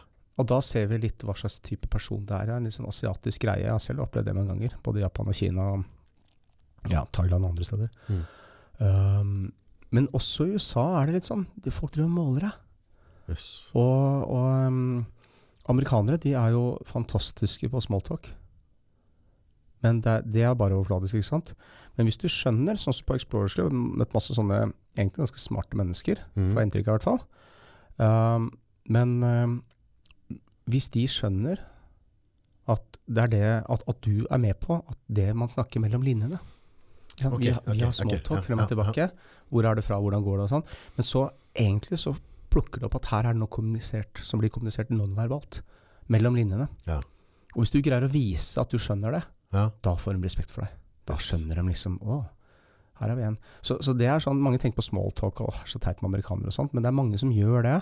Bare for å se Er du en som bare sitter og ser på Eller som står der og ser på nesen din mens du snakker et ord og ikke får med deg noe? Mm. Eller får du med ting Får du med ting som er rundt deg? Ja. Og ser du nå at jeg bare tester det ut, og det, det jeg spør om nå, er ikke det jeg spør om. Så greier du å svare med litt sånn der eh, finurlighet tilbake, sånn tvetydighet. Ja. Uh, hvis du greier det, så liker den deg med en gang. Men så er det jo sånn, det er en sånn regel med amerikanere. De slipper deg så langt inn, og da, da nå har jeg fingeren eh, liksom Ja. 10 cm fra hjertet. Ja. Men de siste 10 cm, det tar det ti år å, å, å, å overvinne. Du må vente ti år. Ja. Og, så, og så kommer du helt inn. Må bevises over tid. Ja, ja, ja. Men de slipper deg jævlig langt inn, altså. Ja. Det er ikke som nordmenn. Eh, så, men når du har gjort det, så, så, så er det bra. Ja. Absolutt. Kult. Så bytte batteri nå? Bytte batteri. Ja, ja, ja. Det er fint. Du, vi har jo snakka en stund også, har vi ikke det? Ja, det eneste, eneste jeg kunne tenkt meg Skal vi se her Er at du har jo Du har jo vært så heldig og hatt fantastisk mye reiser rundt. Og så er det noen land som har gitt deg noen helt spesielle inntrykk. Når du Mm. prater på liksom at, at vi, er, vi er født med vinnerloddet her i Norge og, Mm. og den biten der. Og så er det noen land som virkelig har, har etterlatt seg Ja. ehm, og det Altså, én ting er disse reisene i sånn hvor vi har samla DNA og vært på veldig eh, rare steder. Påske var jo veldig spesielt. Men eh, Ukraina, Krim og Azov og Mariupol De menneskene vi møtte- der, spesielt på landsbygda, høre de skjebnene eh, som tidsvitner forteller, altså folk som har opplevd det. Høre en eh, 93-åring, var det vel, kan det stemme, som fortalte om eh, hungersnøden, Ja. holodomor, som var ikke bare i Ukraina, men også i Kasakhstan og andre steder, men verst i Ukraina, hvor det er eh, hvete ute på åkrene rundt landsbygda, men soldater passer på, ingen får plukke, alle blir skutt, som gjør det. ja. Folk dør og spiser hverandre. Han er fem år, 1933. Fy. Foreldre har daua av sult inne i huset hans. Han gjemmer seg under huset på baksida, forteller han oss. Fordi naboen er en sånn som spiser folk. Han gjemmer seg der for han er redd for å bli spist av naboen. Og så kommer tante hans og redder livet hans. Redder han fra å bli spist. Tenk på det. Tenk deg å høre sånne historier. Og du, du ser gløden Han er helt enorm. Altså, sånn, eh, vi lette etter krimgotere. Altså de gotiske folkene som dro til Goterne dro først dit før de dro inn og overtok Romerriket. Så, men det var krimgotere. Vi vet sporet til dem helt på 1500- og 1600-tallet. Ja. Så goterne fra Skandinavia, Jøtaland, Gotland, Jylland, Sør- Sør-Skandinavia, de, de uh, var lenge der nede. På elvene ned eh, Ukraina. Altså det er først Vistula, ned um, til dagens Warszawa. Ja. Og så istedenfor da østover inn i eh, Tsjekkia, er det vel, eller Slovakia, så er det vestover inn i Liv. Ja. Og da går det ned til Svartehavet og Krim med en gang. Men, uh, så, det, så det var veien. Ja. Men eh, han karen fortalte også, da han seinere Var han fem år i 33, kan det stemme? Da var han, skal vi se, 12 år seinere, 17 år, han var kanskje 18 år da, mm. i 1945, og forteller eh, da, En ting var han fortalte om det i 1932-33, men i 1945, i maidagene, da han satt på en tanks med alle bolsjeviksoldatene, eller sovjetersoldatene, på vei inn i en tysk by. Jeg husker ikke navnet på byen. Det var ikke Berlin. Eh, og de skjøt alt de så. Alt. Ja, vi veit jo godt hvordan kvinnene var. Det var i maidagene før eh, russerne kom. Så var det jo eh, jomfruer. eh, Prøvde å ha seg med ty tyskere som de fant før eh, russerne kom, for de visste at alle ble voldtatt. Ja. Og vi vet at Stalin noterte, han fikk spørsmål om hva skal vi gjøre med alle voldtektene av, som de sovjetiske soldatene gjør når de skal hevne seg. Ja. Voldtekt som våpen, ikke sant. I alle de tyske byene vi kommer til. Og så har han skrevet i margen La gutta ha det moro. Eller la gutta ha litt moro. Ja. Eh, det er noen stygge tall, altså. Det er, det er en del av det traumet som uh, Altså hvordan voldtekt blir brukt som maktmiddel og nedverdige, nedverge de andre. Uh, så det er helt hårreisende tilstand. Jeg visste jo om det her da jeg hører han. Jeg ser den der, Det er som lyn altså, inni øynene hans når han forteller det. En 93 år gammel mann. da, Hvordan han Mm. sitter på tanksen med geværet sitt, og så forteller han meg, da Jeg tror vi har det på tape, faktisk. Det er legendarisk. Ja. Um, så forteller han meg ti minutter ca. om disse minuttene og timene fram til de får beskjed om at Hitler er død. Ja. Og det er så levende. Og det er så og en bitte liten kar, da. Han er blitt så, nå er han helt sikkert dau, men uh, det var så ekstremt å høre han fortelle om det. Altså, jeg hadde tolk som fortalte hva han fortalte på Jeg tror det var ukrainsk, um, eller russisk, til meg. Men uh, nei, det, det gjør inntrykk, altså. Og det, det forteller meg også møte alle de menneskene som har opplevd deportasjoner og sånn, hvordan de blir lurt av myndighetene. Mm. Det er jo ingenting mot det vi opplever i dag. Ingenting. Nei, Det er så overgrep at det er helt vanvittig. Og jeg tenker nå på disse fangeleirene som ukrainske soldater med feil tatoveringer ble sendt til. Ja. Det er jo, altså jeg, der tenker jeg at det er nok rene Gulag-leirer i praksis, altså. Tror du det noe? Jeg vet da faen, jeg, men eh, Uff. Det er, altså når du begynner med sånn nazismeretorikk, og til og med Zelenskyj, som er jøde, er nazist det er, det er rare greier som skjer nå ute i verden, altså. Som, eh, som eh, vi har dessverre sett før. Og det, og, det Hvorfor lærer vi aldri? Nei, det Altså Skulle de sannhetsvitnene sittet og prata litt med myndighetspersoner en sånn time eller to hver uke for å holde dem på matta, eller? Ja, men vi har jo det også. Vi har noe som heter Oslo Freedom Forum hvert eneste år. Det var nå for, forrige uke. Ja. Og der har du folk som blir henta fra hele verden som har opplevd sånne ting, som forteller sin historie. Fins på nett. Akkurat som TED Talks, bare Ja, for ja, eh, på en måte de som virkelig er ofre for ekstreme overgrep. Og, og jeg var litt med på de første tre årene og møtte en del. Jeg møtte liksom en eh, munk som har overlevd 33 år i kinesiske En tibetanermunk. Oh. 33 år i kinesiske fangeleirer.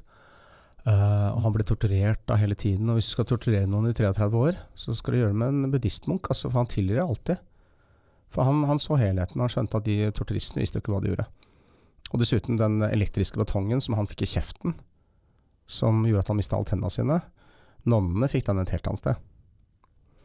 Jeg hører sånne, folk fortelle sånne historier. Hun der dama fra Sudan som var der for en ti års tid siden, da jeg var på øh, gang nummer to eller tre. Han, øh, han i Wikileaks, Julian Assange, var der også for øvrig. Veldig hyggelig kar.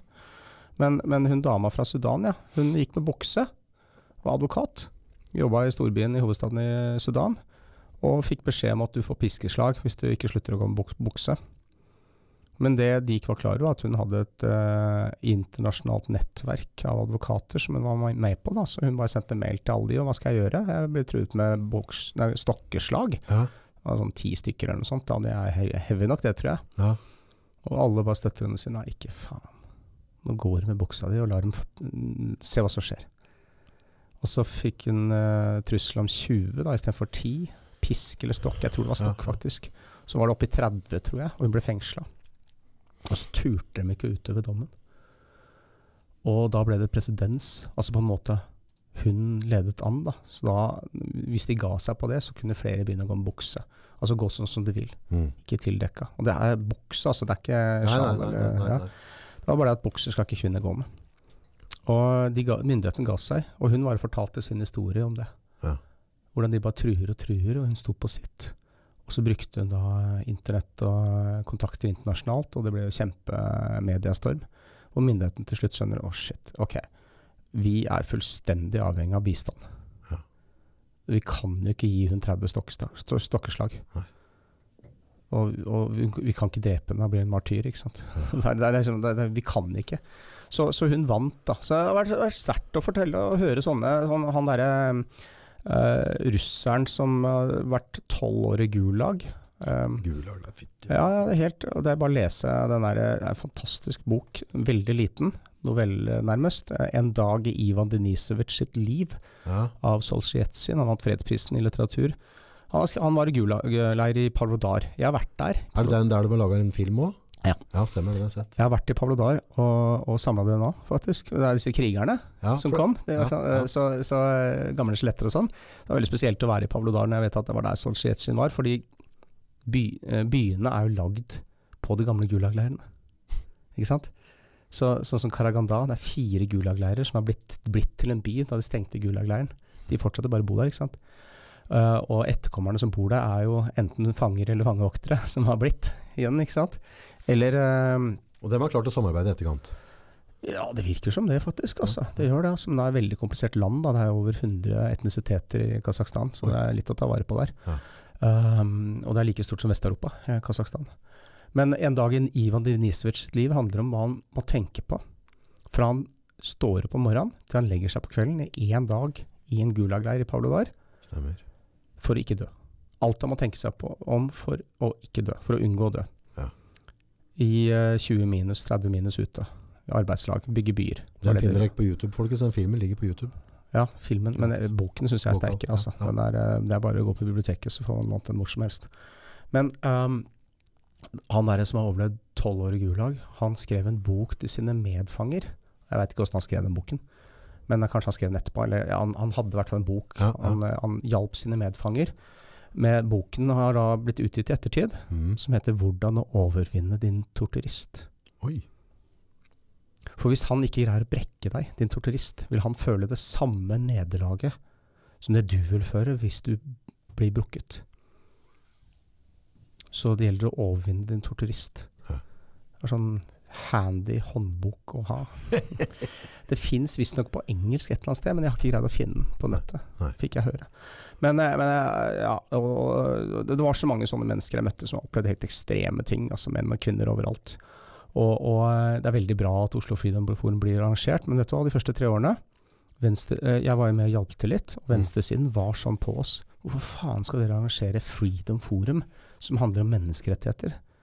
Når dere ikke er som oss langt ut på venstresiden politisk. Det er vi som har monopol på det. Oi. Det er helt absurd å tenke på i dag. Monopol på det. Ja, ja, nei, det var han der SV-lederen. Han var helt ekstrem. og Ute og liksom Nei, dere kan ikke arrangere en konferanse om det. Fordi mange av de som arrangerte, var jo konservative, og eh, det var amerikan norske amerikanere som var republikanere i tillegg. Liksom, hva, har de med menneskerettigheter å gjøre? Det var helt absurd eh, mediedebatt. Og da husker jeg vi pratet om det internt, at herregud, skal ikke vi sette pris på menneskerettigheter? Altså Snakk om å bli eh, stigmatisert. Altså det, var, det var voldsomt. Men, eh, men eh, så, så det var litt poenget. Altså det, det, fins steder hvor um, man kan lese og se og lytte til folk som har opplevd skit. Mm. Og det i det minste kan sette litt perspektiv på ens eget liv. Mm. Ting kan, kunne vært verre. Det kan det, og det kan bli verre. Så det er greit å ha litt perspektiv på ting. Tøffe seg litt opp. Ja, eller Om Dag Thomas, vi ser han, han kjører søppel. Han sier at, ja. uh, han løper og kjører på. Ja. Han sier at uh, han, han trengte det nå for å tøffe seg litt opp. Ja. Opp tidlig om morgenen, jobba hardt, blir sliten. Så han syntes det var litt godt da, å bruke kroppen litt, og så, og så bare få sånn skjerpa sansen sin litt, og vise at uh, Jeg tror det er jeg, jeg ser det er en del som spør om jeg kan være med og holde litt foredrag og sånn for en del sånne yngre folk som ønsker å tøffe seg litt opp. Mm. Og, og det gjør jeg gjerne, altså. Mm. Så, så jeg har vært på litt sånne ting også. Og jeg tror litt av nøkkelen er å gi seg selv litt rutine i livet. mm, Sånn som uh, gå opp jobb, eller gjøre de og de, eller trene der og der. Så det ikke er så fullstendig avhengig av disse hormonene som styrer livet ditt. Er, du skal, du skal, for å overleve, for du har størst mulig sjanse til å overleve, hvis det virkelig blir gærent, mm, da må du ha mind over matter. Altså da må du ha Da må hjernen styre følelsene, og ikke følelsene og kroppen styre hjernen. Ja. For da, da blir du et offer med en gang. Og hvis du går rundt og er avhengig av nikotin, deg med snusen, ja. eller koffein, eller enda verre, så er det mange andre ting du kan være avhengig av. Også, men, men, men, men spesielt dette med skjerm og sånn. Ja. eh, hvor du lever så mye i den verden at du ikke veit hvordan du skal overleve uten naturen. Hvis, hvis du bare går rundt og er eh, faktisk eh, avhengig av dopamin, Uh, som er disse Det er Twitter f.eks., eller eh, Instagram spesielt. TikTok. TikTok, 20 sekunders sykluser. Så kort, ikke sant. Du blir rastløs. Det skaper en avhengighet, og det er det disse eh, executives i eh, flere selskaper som har sluttet, sier. «Å, Herregud, er vi har skapt et monster. Mm. Og, og um, du mister en del av de hormonene som du trenger i en sånn balansert hverdag, Mm. sånn som vi kjenner fra vår oppvekst, hvor du skal også ha ikke bare dopamin og adrenalin, men du skal ha eh, serotonin um, og oksytocin, som er kjærlighetshormonet. Altså, sånn, sånn, det handler om følelse og fysisk kontakt. Mm. Til alle gamerne som sitter og, og um, ikke har så mye fysisk kontakt som de man kanskje burde ha. Mm. Begynn med idrett, da, i hvert fall. Eller et eller annet som, som du gjør. Altså, innfør noen rutiner. Mm. Vær strukturert på hvor mye du spiser, og når du spiser. Altså ikke detaljnivå, men bare ha litt sånn system. Det som funker for deg. Mm. Um, men i hvert fall sånn at du har litt, litt fysisk aktivitet. Uh, at du gjør ting jevnlig. Eh, gå og se folk, snakk med folk. Lag rutiner på det òg. Bli med i noe sosialt. Litt sånne småting. Mer og mer. Så gir deg selv struktur på livet. Og den rytmen du får ut av det, den vil bare være godt og gagne deg og gjøre at du kan ha større overlevelsesmulighet Absolutt. eh, hvis eh, sånn skjer. Eh, men hvor mye skal man drevet tenke på eller forberede seg på worst case-scenarioer? Jeg vet ikke, Hva tenker du? Du overlever vel uansett, gjør du ikke det? Jeg tror jeg er så enkelt skrudd sammen, så jeg, er, jeg er vel en Jeg anser meg i hvert fall sjøl som type som, som kommer meg gjennom det meste. da. Ja. Eh, ikke født bak en sten, eller Nei, kanskje nei. akkurat det jeg er. Men eh, så, så hvis driten skal gå i gifta, så tror ikke jeg er den som blir hardest ramma, sånn, sånn right off the bat i hvert fall. Det er veldig greit å ikke overkomplisere det, da. Ja. Det er klart det. Og så er det jo smart å ha litt sånn planer på hvor man skal, da. Hvis det, Russland fortsetter med trusselen om atombomber, så kan du banne på at uh, Oslo, Mm. København, Malmö, Mm. akkurat det der området der, Mm. kommer til å få det litt hardt, i tillegg til Stockholm. Og eh, det kan jo være lurt å ha en plan på hvor du skal, litt, litt, litt lenger vekk enn fra Hamar. Mm. Hamar er bare to timer unna, er det ikke det, fra Oslo? Ja, det er ikke rare stubben. Det er Nei, ikke- det er ikke rare stubben, og vindretninga er feil. Altså, hvor er nærmeste tilfluktsrom her, da, som det heter nå? Ikke, altså bomberom, som vi sa. De eksisterer snart ikke mer. De er, Nei, ikke? Det er lagringsplass. Ja, og det er ikke lagringsplass sånn som vi vokste opp med, hvor eh, det skulle være mat der, det skulle være verneutstyr for atomavfall og, og øh, øhm, førstehjelpsutstyr og, og Jævla våpen dårlig idé, den atombomba. Altså. Ja, ja, men nå er det blitt bedre, atombombene. da. Nå tar de bare ut byer Okay, og, går ned, og går nedover. Det er ikke sånn at de, de sprer seg utover, sånn som de gamle atombombene. Nei. Så De kan være mye mer strategiske, men hvordan vet du om atombomber kommer fram eller blir skutt ned på veien, eller det kan skje så mye, vet du. Så det er klart at um, Men altså, det er dette som har funka før i tiden for oss nordmenn. Og svensker. Vi har bare trukket oss nordover, vi, oppe i fjellene. Mm. Vi har bedre overlevelsesevne. Vi har det eh, lyse, to lyse genene for lys hud, og, Ja.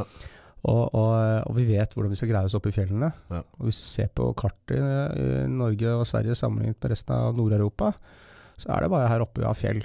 Ja. De fleste russerne er ikke vant til fjell. Alt er flatt der. Steppe. Skal de komme opp og slåss eh, Først må de komme seg gjennom finske uh, myrer og, og, og innsjøer. Vinterkrig er jo én ting, da, men allikevel. det- De skal jo bli der lenger enn en vinter. Mm. Og så skal de opp i fjellene hvor vi har gjemt oss. Ja. Altså De kan jo komme sjøveien, du, men der, der, det der, eh, der er det så mange muligheter. Mm. Men uh, vi får ta det når det kommer, da. Og jeg tror ikke vi skal drive og fantasere eller, eller tenke at russerne er, er fienden heller. Jeg, jeg syns russere er flotte mennesker, jeg kjenner mange. Mm. Og, eh, og ukrainere også, som jeg nevnte. Men uh, det er klart uh, Problemet er disse på toppen, da. Som sitter og Og hvor er toppen? Ja, hvor er den? Ja. Er det noen som drar i strengene her? Er det noen som sitter lenger oppe? Er det, er det planlagt? Er det noen som skal redde verden ved å redusere verdens befolkning med ganske mye? Mm. Og hvem skal dø da? Hvem skal bort? Mm. Det er jo tung å tenke på. Eller kanskje ikke. Nei, det, er ikke sant. Det, er, begynner å bli mye teorier ute og går, så Mm, det er mye å tenke på. Så Det er klart det. nei, min strategi er vel altså sånn Jeg vet jo at um, at jeg ikke har noe politisk innflytelse, og ikke ønsker jeg å ha det. Og ikke, så, Mm. så det blir bare å ta vare på jentene mine og, Ja. og prøve å leve sunt. Tilpasse oss det vi kan, gjøre det vi kan. Ja. Uh, og, og til spørsmålet ditt om dette her med Og Ja. ikke tenke for mye på det, for da blir Nei, du tung, nei. da blir du mørk til sint til slutt. ikke sant? tungsinn. Det er så mye viktigere å være positiv i disse dager, altså. Mm. Og heller at eh, vi ordner det, det ordner seg. Mm. Det går bra. Det er sånn vi må tenke. Og går det ikke bra, så blir det som det blir. Så tilpasses oss uansett, for det er menneskets beste evne. Det er tilpasningsevnen. Mm. Det er det. Mm. Men det er én ting som ikke hjelper, og det, er, det tror jeg er for få mennesker med for mye makt på hendene sine. Det er alltid skummelt. Og det er en konsentrasjon av makt vi har sett de siste 30 årene, som har vært veldig veldig forferdelig usunn, og henger sammen med at alt er så sammensatt, Ja. som vi har snakka om. Ja, ja. Og der er en, Det der er ikke noen enkel løsning. Og, og jeg har sett historikere som Harari og sånn snakke på eh, eh, Davos og mm, World Economic Forum og, og ha løsninger på det. Mm. At vi skal bli mer som en maurtue hvor alle har sin plass, og vi skal ha chipper implantert, og det er ikke måte på, for at vi skal holde oss på plass. Men eh, vi er ikke bygd for det. Vi er ikke bygd for det, altså. Uh, og, det, og det kommer nok ikke til å skje heller. Men eh, jeg hører når de snakker så frimodig om sånne ting, så begynner jeg å lure da hvor mye de har eh, av makt når de ikke er redd for at sånne ting skal komme til en gang. Det er jo litt skrekkelig. Ja, for innimellom så glepper du ut og greier, så bare hæ, hva sa de virkelig dette der? Liksom? Ja, ikke sant? Hva, hva var dette? Og du kan begynne å lure da at uh, altså hvis de sitter på så mye makt, da, da, da er de veldig trygge. Da sitter de veldig godt. Mm. Så jeg, jeg, jeg tror nok eh, hvis vi kan greie å ha et samfunn hvor eh, hvor vi har kanskje litt mindre land Altså Norge, Sverige, Danmark er jo fint. Det er ja. oversiktlig. Ja, ja. Eh, vi er, eh, med Finland er vi 27 millioner mennesker ca. i Norden. Ja. Eh, men vi er delt opp i flere land. Mm. Og, og det er en veldig grei størrelse. Blir det mer enn det, så blir det litt vanskelig å se på Italia, se på England. Altså det, det blir for, mange, for mye kompromisser, for mange konstellasjoner. Uh, veldig vanskelig. Og makt blir mer usynlig. Mm. Uh, og så når det da skal bli overnasjonalt, og EU og sånne ting, og Nato og Verdensbanken og alt det der, og alle NO-ene Ja, NGO-ene, unnskyld. Eh, da blir det et sammensurium uten like, og det er så mye penger i omløp. Mm. Bare se på hun derre Holdt jeg på å si, var det Faremo? Hun borte FN sin delegasjon i New York som ble tatt nå nylig. Norsk kvinnes leder i New York sitter og bruker vanvittige penger på, i FNs utviklingsfond, eller hva det var for noe, et eller annet sånt. Mm. Og blir jo tatt med buksene nede. Eller eh, kjolen nede. Ja. Uh, så til de grader, ikke sant. Og det er flaut. Får det noen konsekvenser? Da? Nei, ikke det, ikke sant. Det er, det er klart det er en skrell, da. Det der er en alvorlig skrell, altså. Hun vil nok sikkert ikke noe pensjonere seg, tenker jeg, men hun er gammel nok til det. Men blir ikke noe fengsling, liksom? Nei, det er FN. Ja. FN har jo sine egne regler, da. Ja. Det, er ikke, det er ikke noe fengsel i FN. Det er bare å gå i New York, det er på Upper East Side, hvor FN-hovedkontoret er. Kommer inn der, så er det internasjonalt område. Og der har de barer. Eh, Det er, det er en bar der, det er veldig morsomt. De har en sånn barmann der som har uh, mikser drinker. Veldig, han, han rister veldig, jeg vet ikke om han har Parkinsons eller noe. Ja. Men uh, det, er så, det er jo ingen avgifter. Så spriten er jo dritbillig, og eh, de blander så tjukke drinker at det er helt vanvittig. Spesielt når de rister litt og sånn. Ja, ja. Så fredagsølen der, den er ganske sterk, altså. Heavy. I FN-baren. Ja. Men det er internasjonalt område. Ja. Så det er jo amerikanske lover, gjelder jo ikke der. Akkurat som ambassader og sånn rundt om i verden. Ja, men eh, nei, jeg vet ikke jeg. Det blir jo litt dystert å snakke på den måten her, da, August. Jeg vet ikke om det var meningen din, men det er jo spennende å se en helhet og prøve å forstå. Det er helt avgjørende. Ja, det er kanskje det. Og så er spørsmålet om vi skal uh, bli mer utry utrygge av det. Jeg tror ikke det. Jeg tror det er smart å kunne snakkes litt sånn som vi snakker nå. uh, egentlig Uh, tenke at ting har skjedd før i historien. Mm. Og det er egentlig bare variasjoner på temaet. Mm. Det er det, altså. Det aller meste har jo skjedd før. Mm. Det er bare nye variasjoner som vi kanskje ikke har sett før, men eh, Så tror jeg liksom nå i dagens tid med, med internett og alt som, og sosiale medier og spredning, mm, så mye av det vi ser nå i dag, jeg tror det har foregått i 30-40-50 år, men det har bare blitt mer synlig nå. Det kom, Ja. altså, Mm. Oppgulpet kommer på, på skjermen din på telefonen, ja. så, så kan godt hende at det går helt greit òg, men at, Ja. at, at, at Det, det er kanskje At noe jeg syns var ja, Bare for å ha sagt det, det tror jeg kanskje er noe av det beste med Trump. Ja. Det var at han var så jævlig ærlig. ja, du skjønte hva ja, men han han sa. jo 'jeg er drittsekk', jeg, men alle mennesker med makt er jo drittsekker. Ja, ja. Så vil du ha en drittsekk som er ærlig på en drittsekk, eller en som later som at liksom hun eller han er eh, perfekt. Fair play. Og det, er jo, det, det var en form for besynderlig ærlighet som eh, var liksom litt spesielt. Da, Norske men, media satte ikke veldig pris på det da. nei, de fikk jo mye å skrive om, da, så kanskje journalister satte pris på det likevel. Ja, jeg var så lei i den der valgkampen og de greiene der. Det var altså Ja. så mye i Ja, media. er Og folk engasjerte seg. Det var ikke landet våres engang. Mm. Men ennå vi var helt uh, oppskjørt. Ja, da fikk vi virkelig sett hvor mye styrt, eller hvor nært vi har vært USA i mange, mange tiår. mm, Ja, det er jo pga. geografi. mm, Det er pga. jernteppet og den kalde krigen. mm, Sitter igjen det, selvfølgelig gjør det det. mm. Og nå er det mer aktuelt enn på 30 år. Mm. Igjen. Ja, for USA har liksom vært storebroren vår. Vet du. Ja, ja. Det er klart det. Vi har bikka støtta mot det. Ja. Nei, nei, men altså, vi, eh, vi greier oss, vi. Bare vi eh, sier til folk rundt oss, og spesielt de som går rundt og har angst og, og er redde, Mm. at eh, vi kanskje mm, kan si at ting ordner seg. Du, sånn avslutningsvis, Ja. hvor eh, altså forhold til foredrag, eh, følge sosiale mediene, hvor, hvor treffer folk deg, hva, hva, hva erbjuder du? Du, jeg, jeg, er ikke, jeg må innrømme, jeg er ikke sånn kjempesosiale medier-mennesker. Jeg, jeg kan ikke bruke Twitter eller Instagram, eller eh, i hvert fall ikke TikTok. Det, derfor jeg, jeg syns det skaper en hormonubalanse i meg. Ja, Da blir jeg sånn der Hva betyr det, og hvordan? Og du blir dratt inn i ja, en sånn ja, verden. Eh, Dopaminen virker for mye på meg. Men, eh, men jeg har YouTube-kanalen min, Viking Stories, og folk må gjerne sjekke ut um, perspektiver og syn som jeg presenterer der på verden og historie. Kult. Uh, ja, også um, ja, foredrag. Jeg, jeg holder jo foredrag med talerlisten. Mm. Da snakker jeg mer til næringslivsledere og uh, Nei, hva som helst, egentlig. Kan ta foredrag. Det er morsomt å holde foredrag. Da møter jeg folk. Ja. Det er veldig ålreit. Så, men det- Men det, det er det jeg gjør mest for tida. Altså, når jeg ikke gjør andre ting, da, selvfølgelig. Ja, Men dette er det på, som, på si. Kult. Så det er bra. Det er ikke nøl med å ta kontakt med deg da, hvis de ønsker å, å Ja, nei, nei, det er bare hyggelig, da. Jeg prøver å svare alle så godt jeg kan. Altså. Så, så det, det, er jo sånn, det er jo en del som har mye på hjertet, og det er hyggelig at folk har lyst til å høre på det jeg har å si. Om eh, det har noe betydning eller ikke, det er ikke så farlig. Hvis jeg får eh, mailer og meldinger, så er det bare kjempehyggelig, da. Det er det. Kult. Mhm. Men dette var veldig hyggelig, det, August. Superhyggelig. Ja, jeg har koset meg masse. Ja, Fått masse informasjon, det er veldig kult. Eh, og så Du er jo på Wolfgang sin podcast, flere. Du Ja, skulle gå inn og ja. lytte på der. Der går du dybden i forskjellige temaer. Der er vikingtema blant annet. Ja, vi skal ha en egen om viking, vikingtiden. Det blir flere episoder hvor det ikke blir så mange digresjoner. Vi kommer mer i dybden. Ja. så det, det blir spennende. Det kommer i august eller noe sånt. Og så eh, også Dag Thomas, da. Podcasten. Podcasten. Ja, det var koselig. Ja, veldig. Veldig bra. Ja. Nei, så det er bra. Nå er det mye vi ikke fikk, fikk snakke om, da. eh, Fighting alt og alt sånt. Nei, nei, men vi får ta det Vi tar det en gang senere. Ja, kan vi Si ifra når det er området. Absolutt. Altså. Ja. Veldig hyggelig, altså. Så, Setter pris på det. Mhm. Takk for at du tok deg tid. Tusen takk for meg.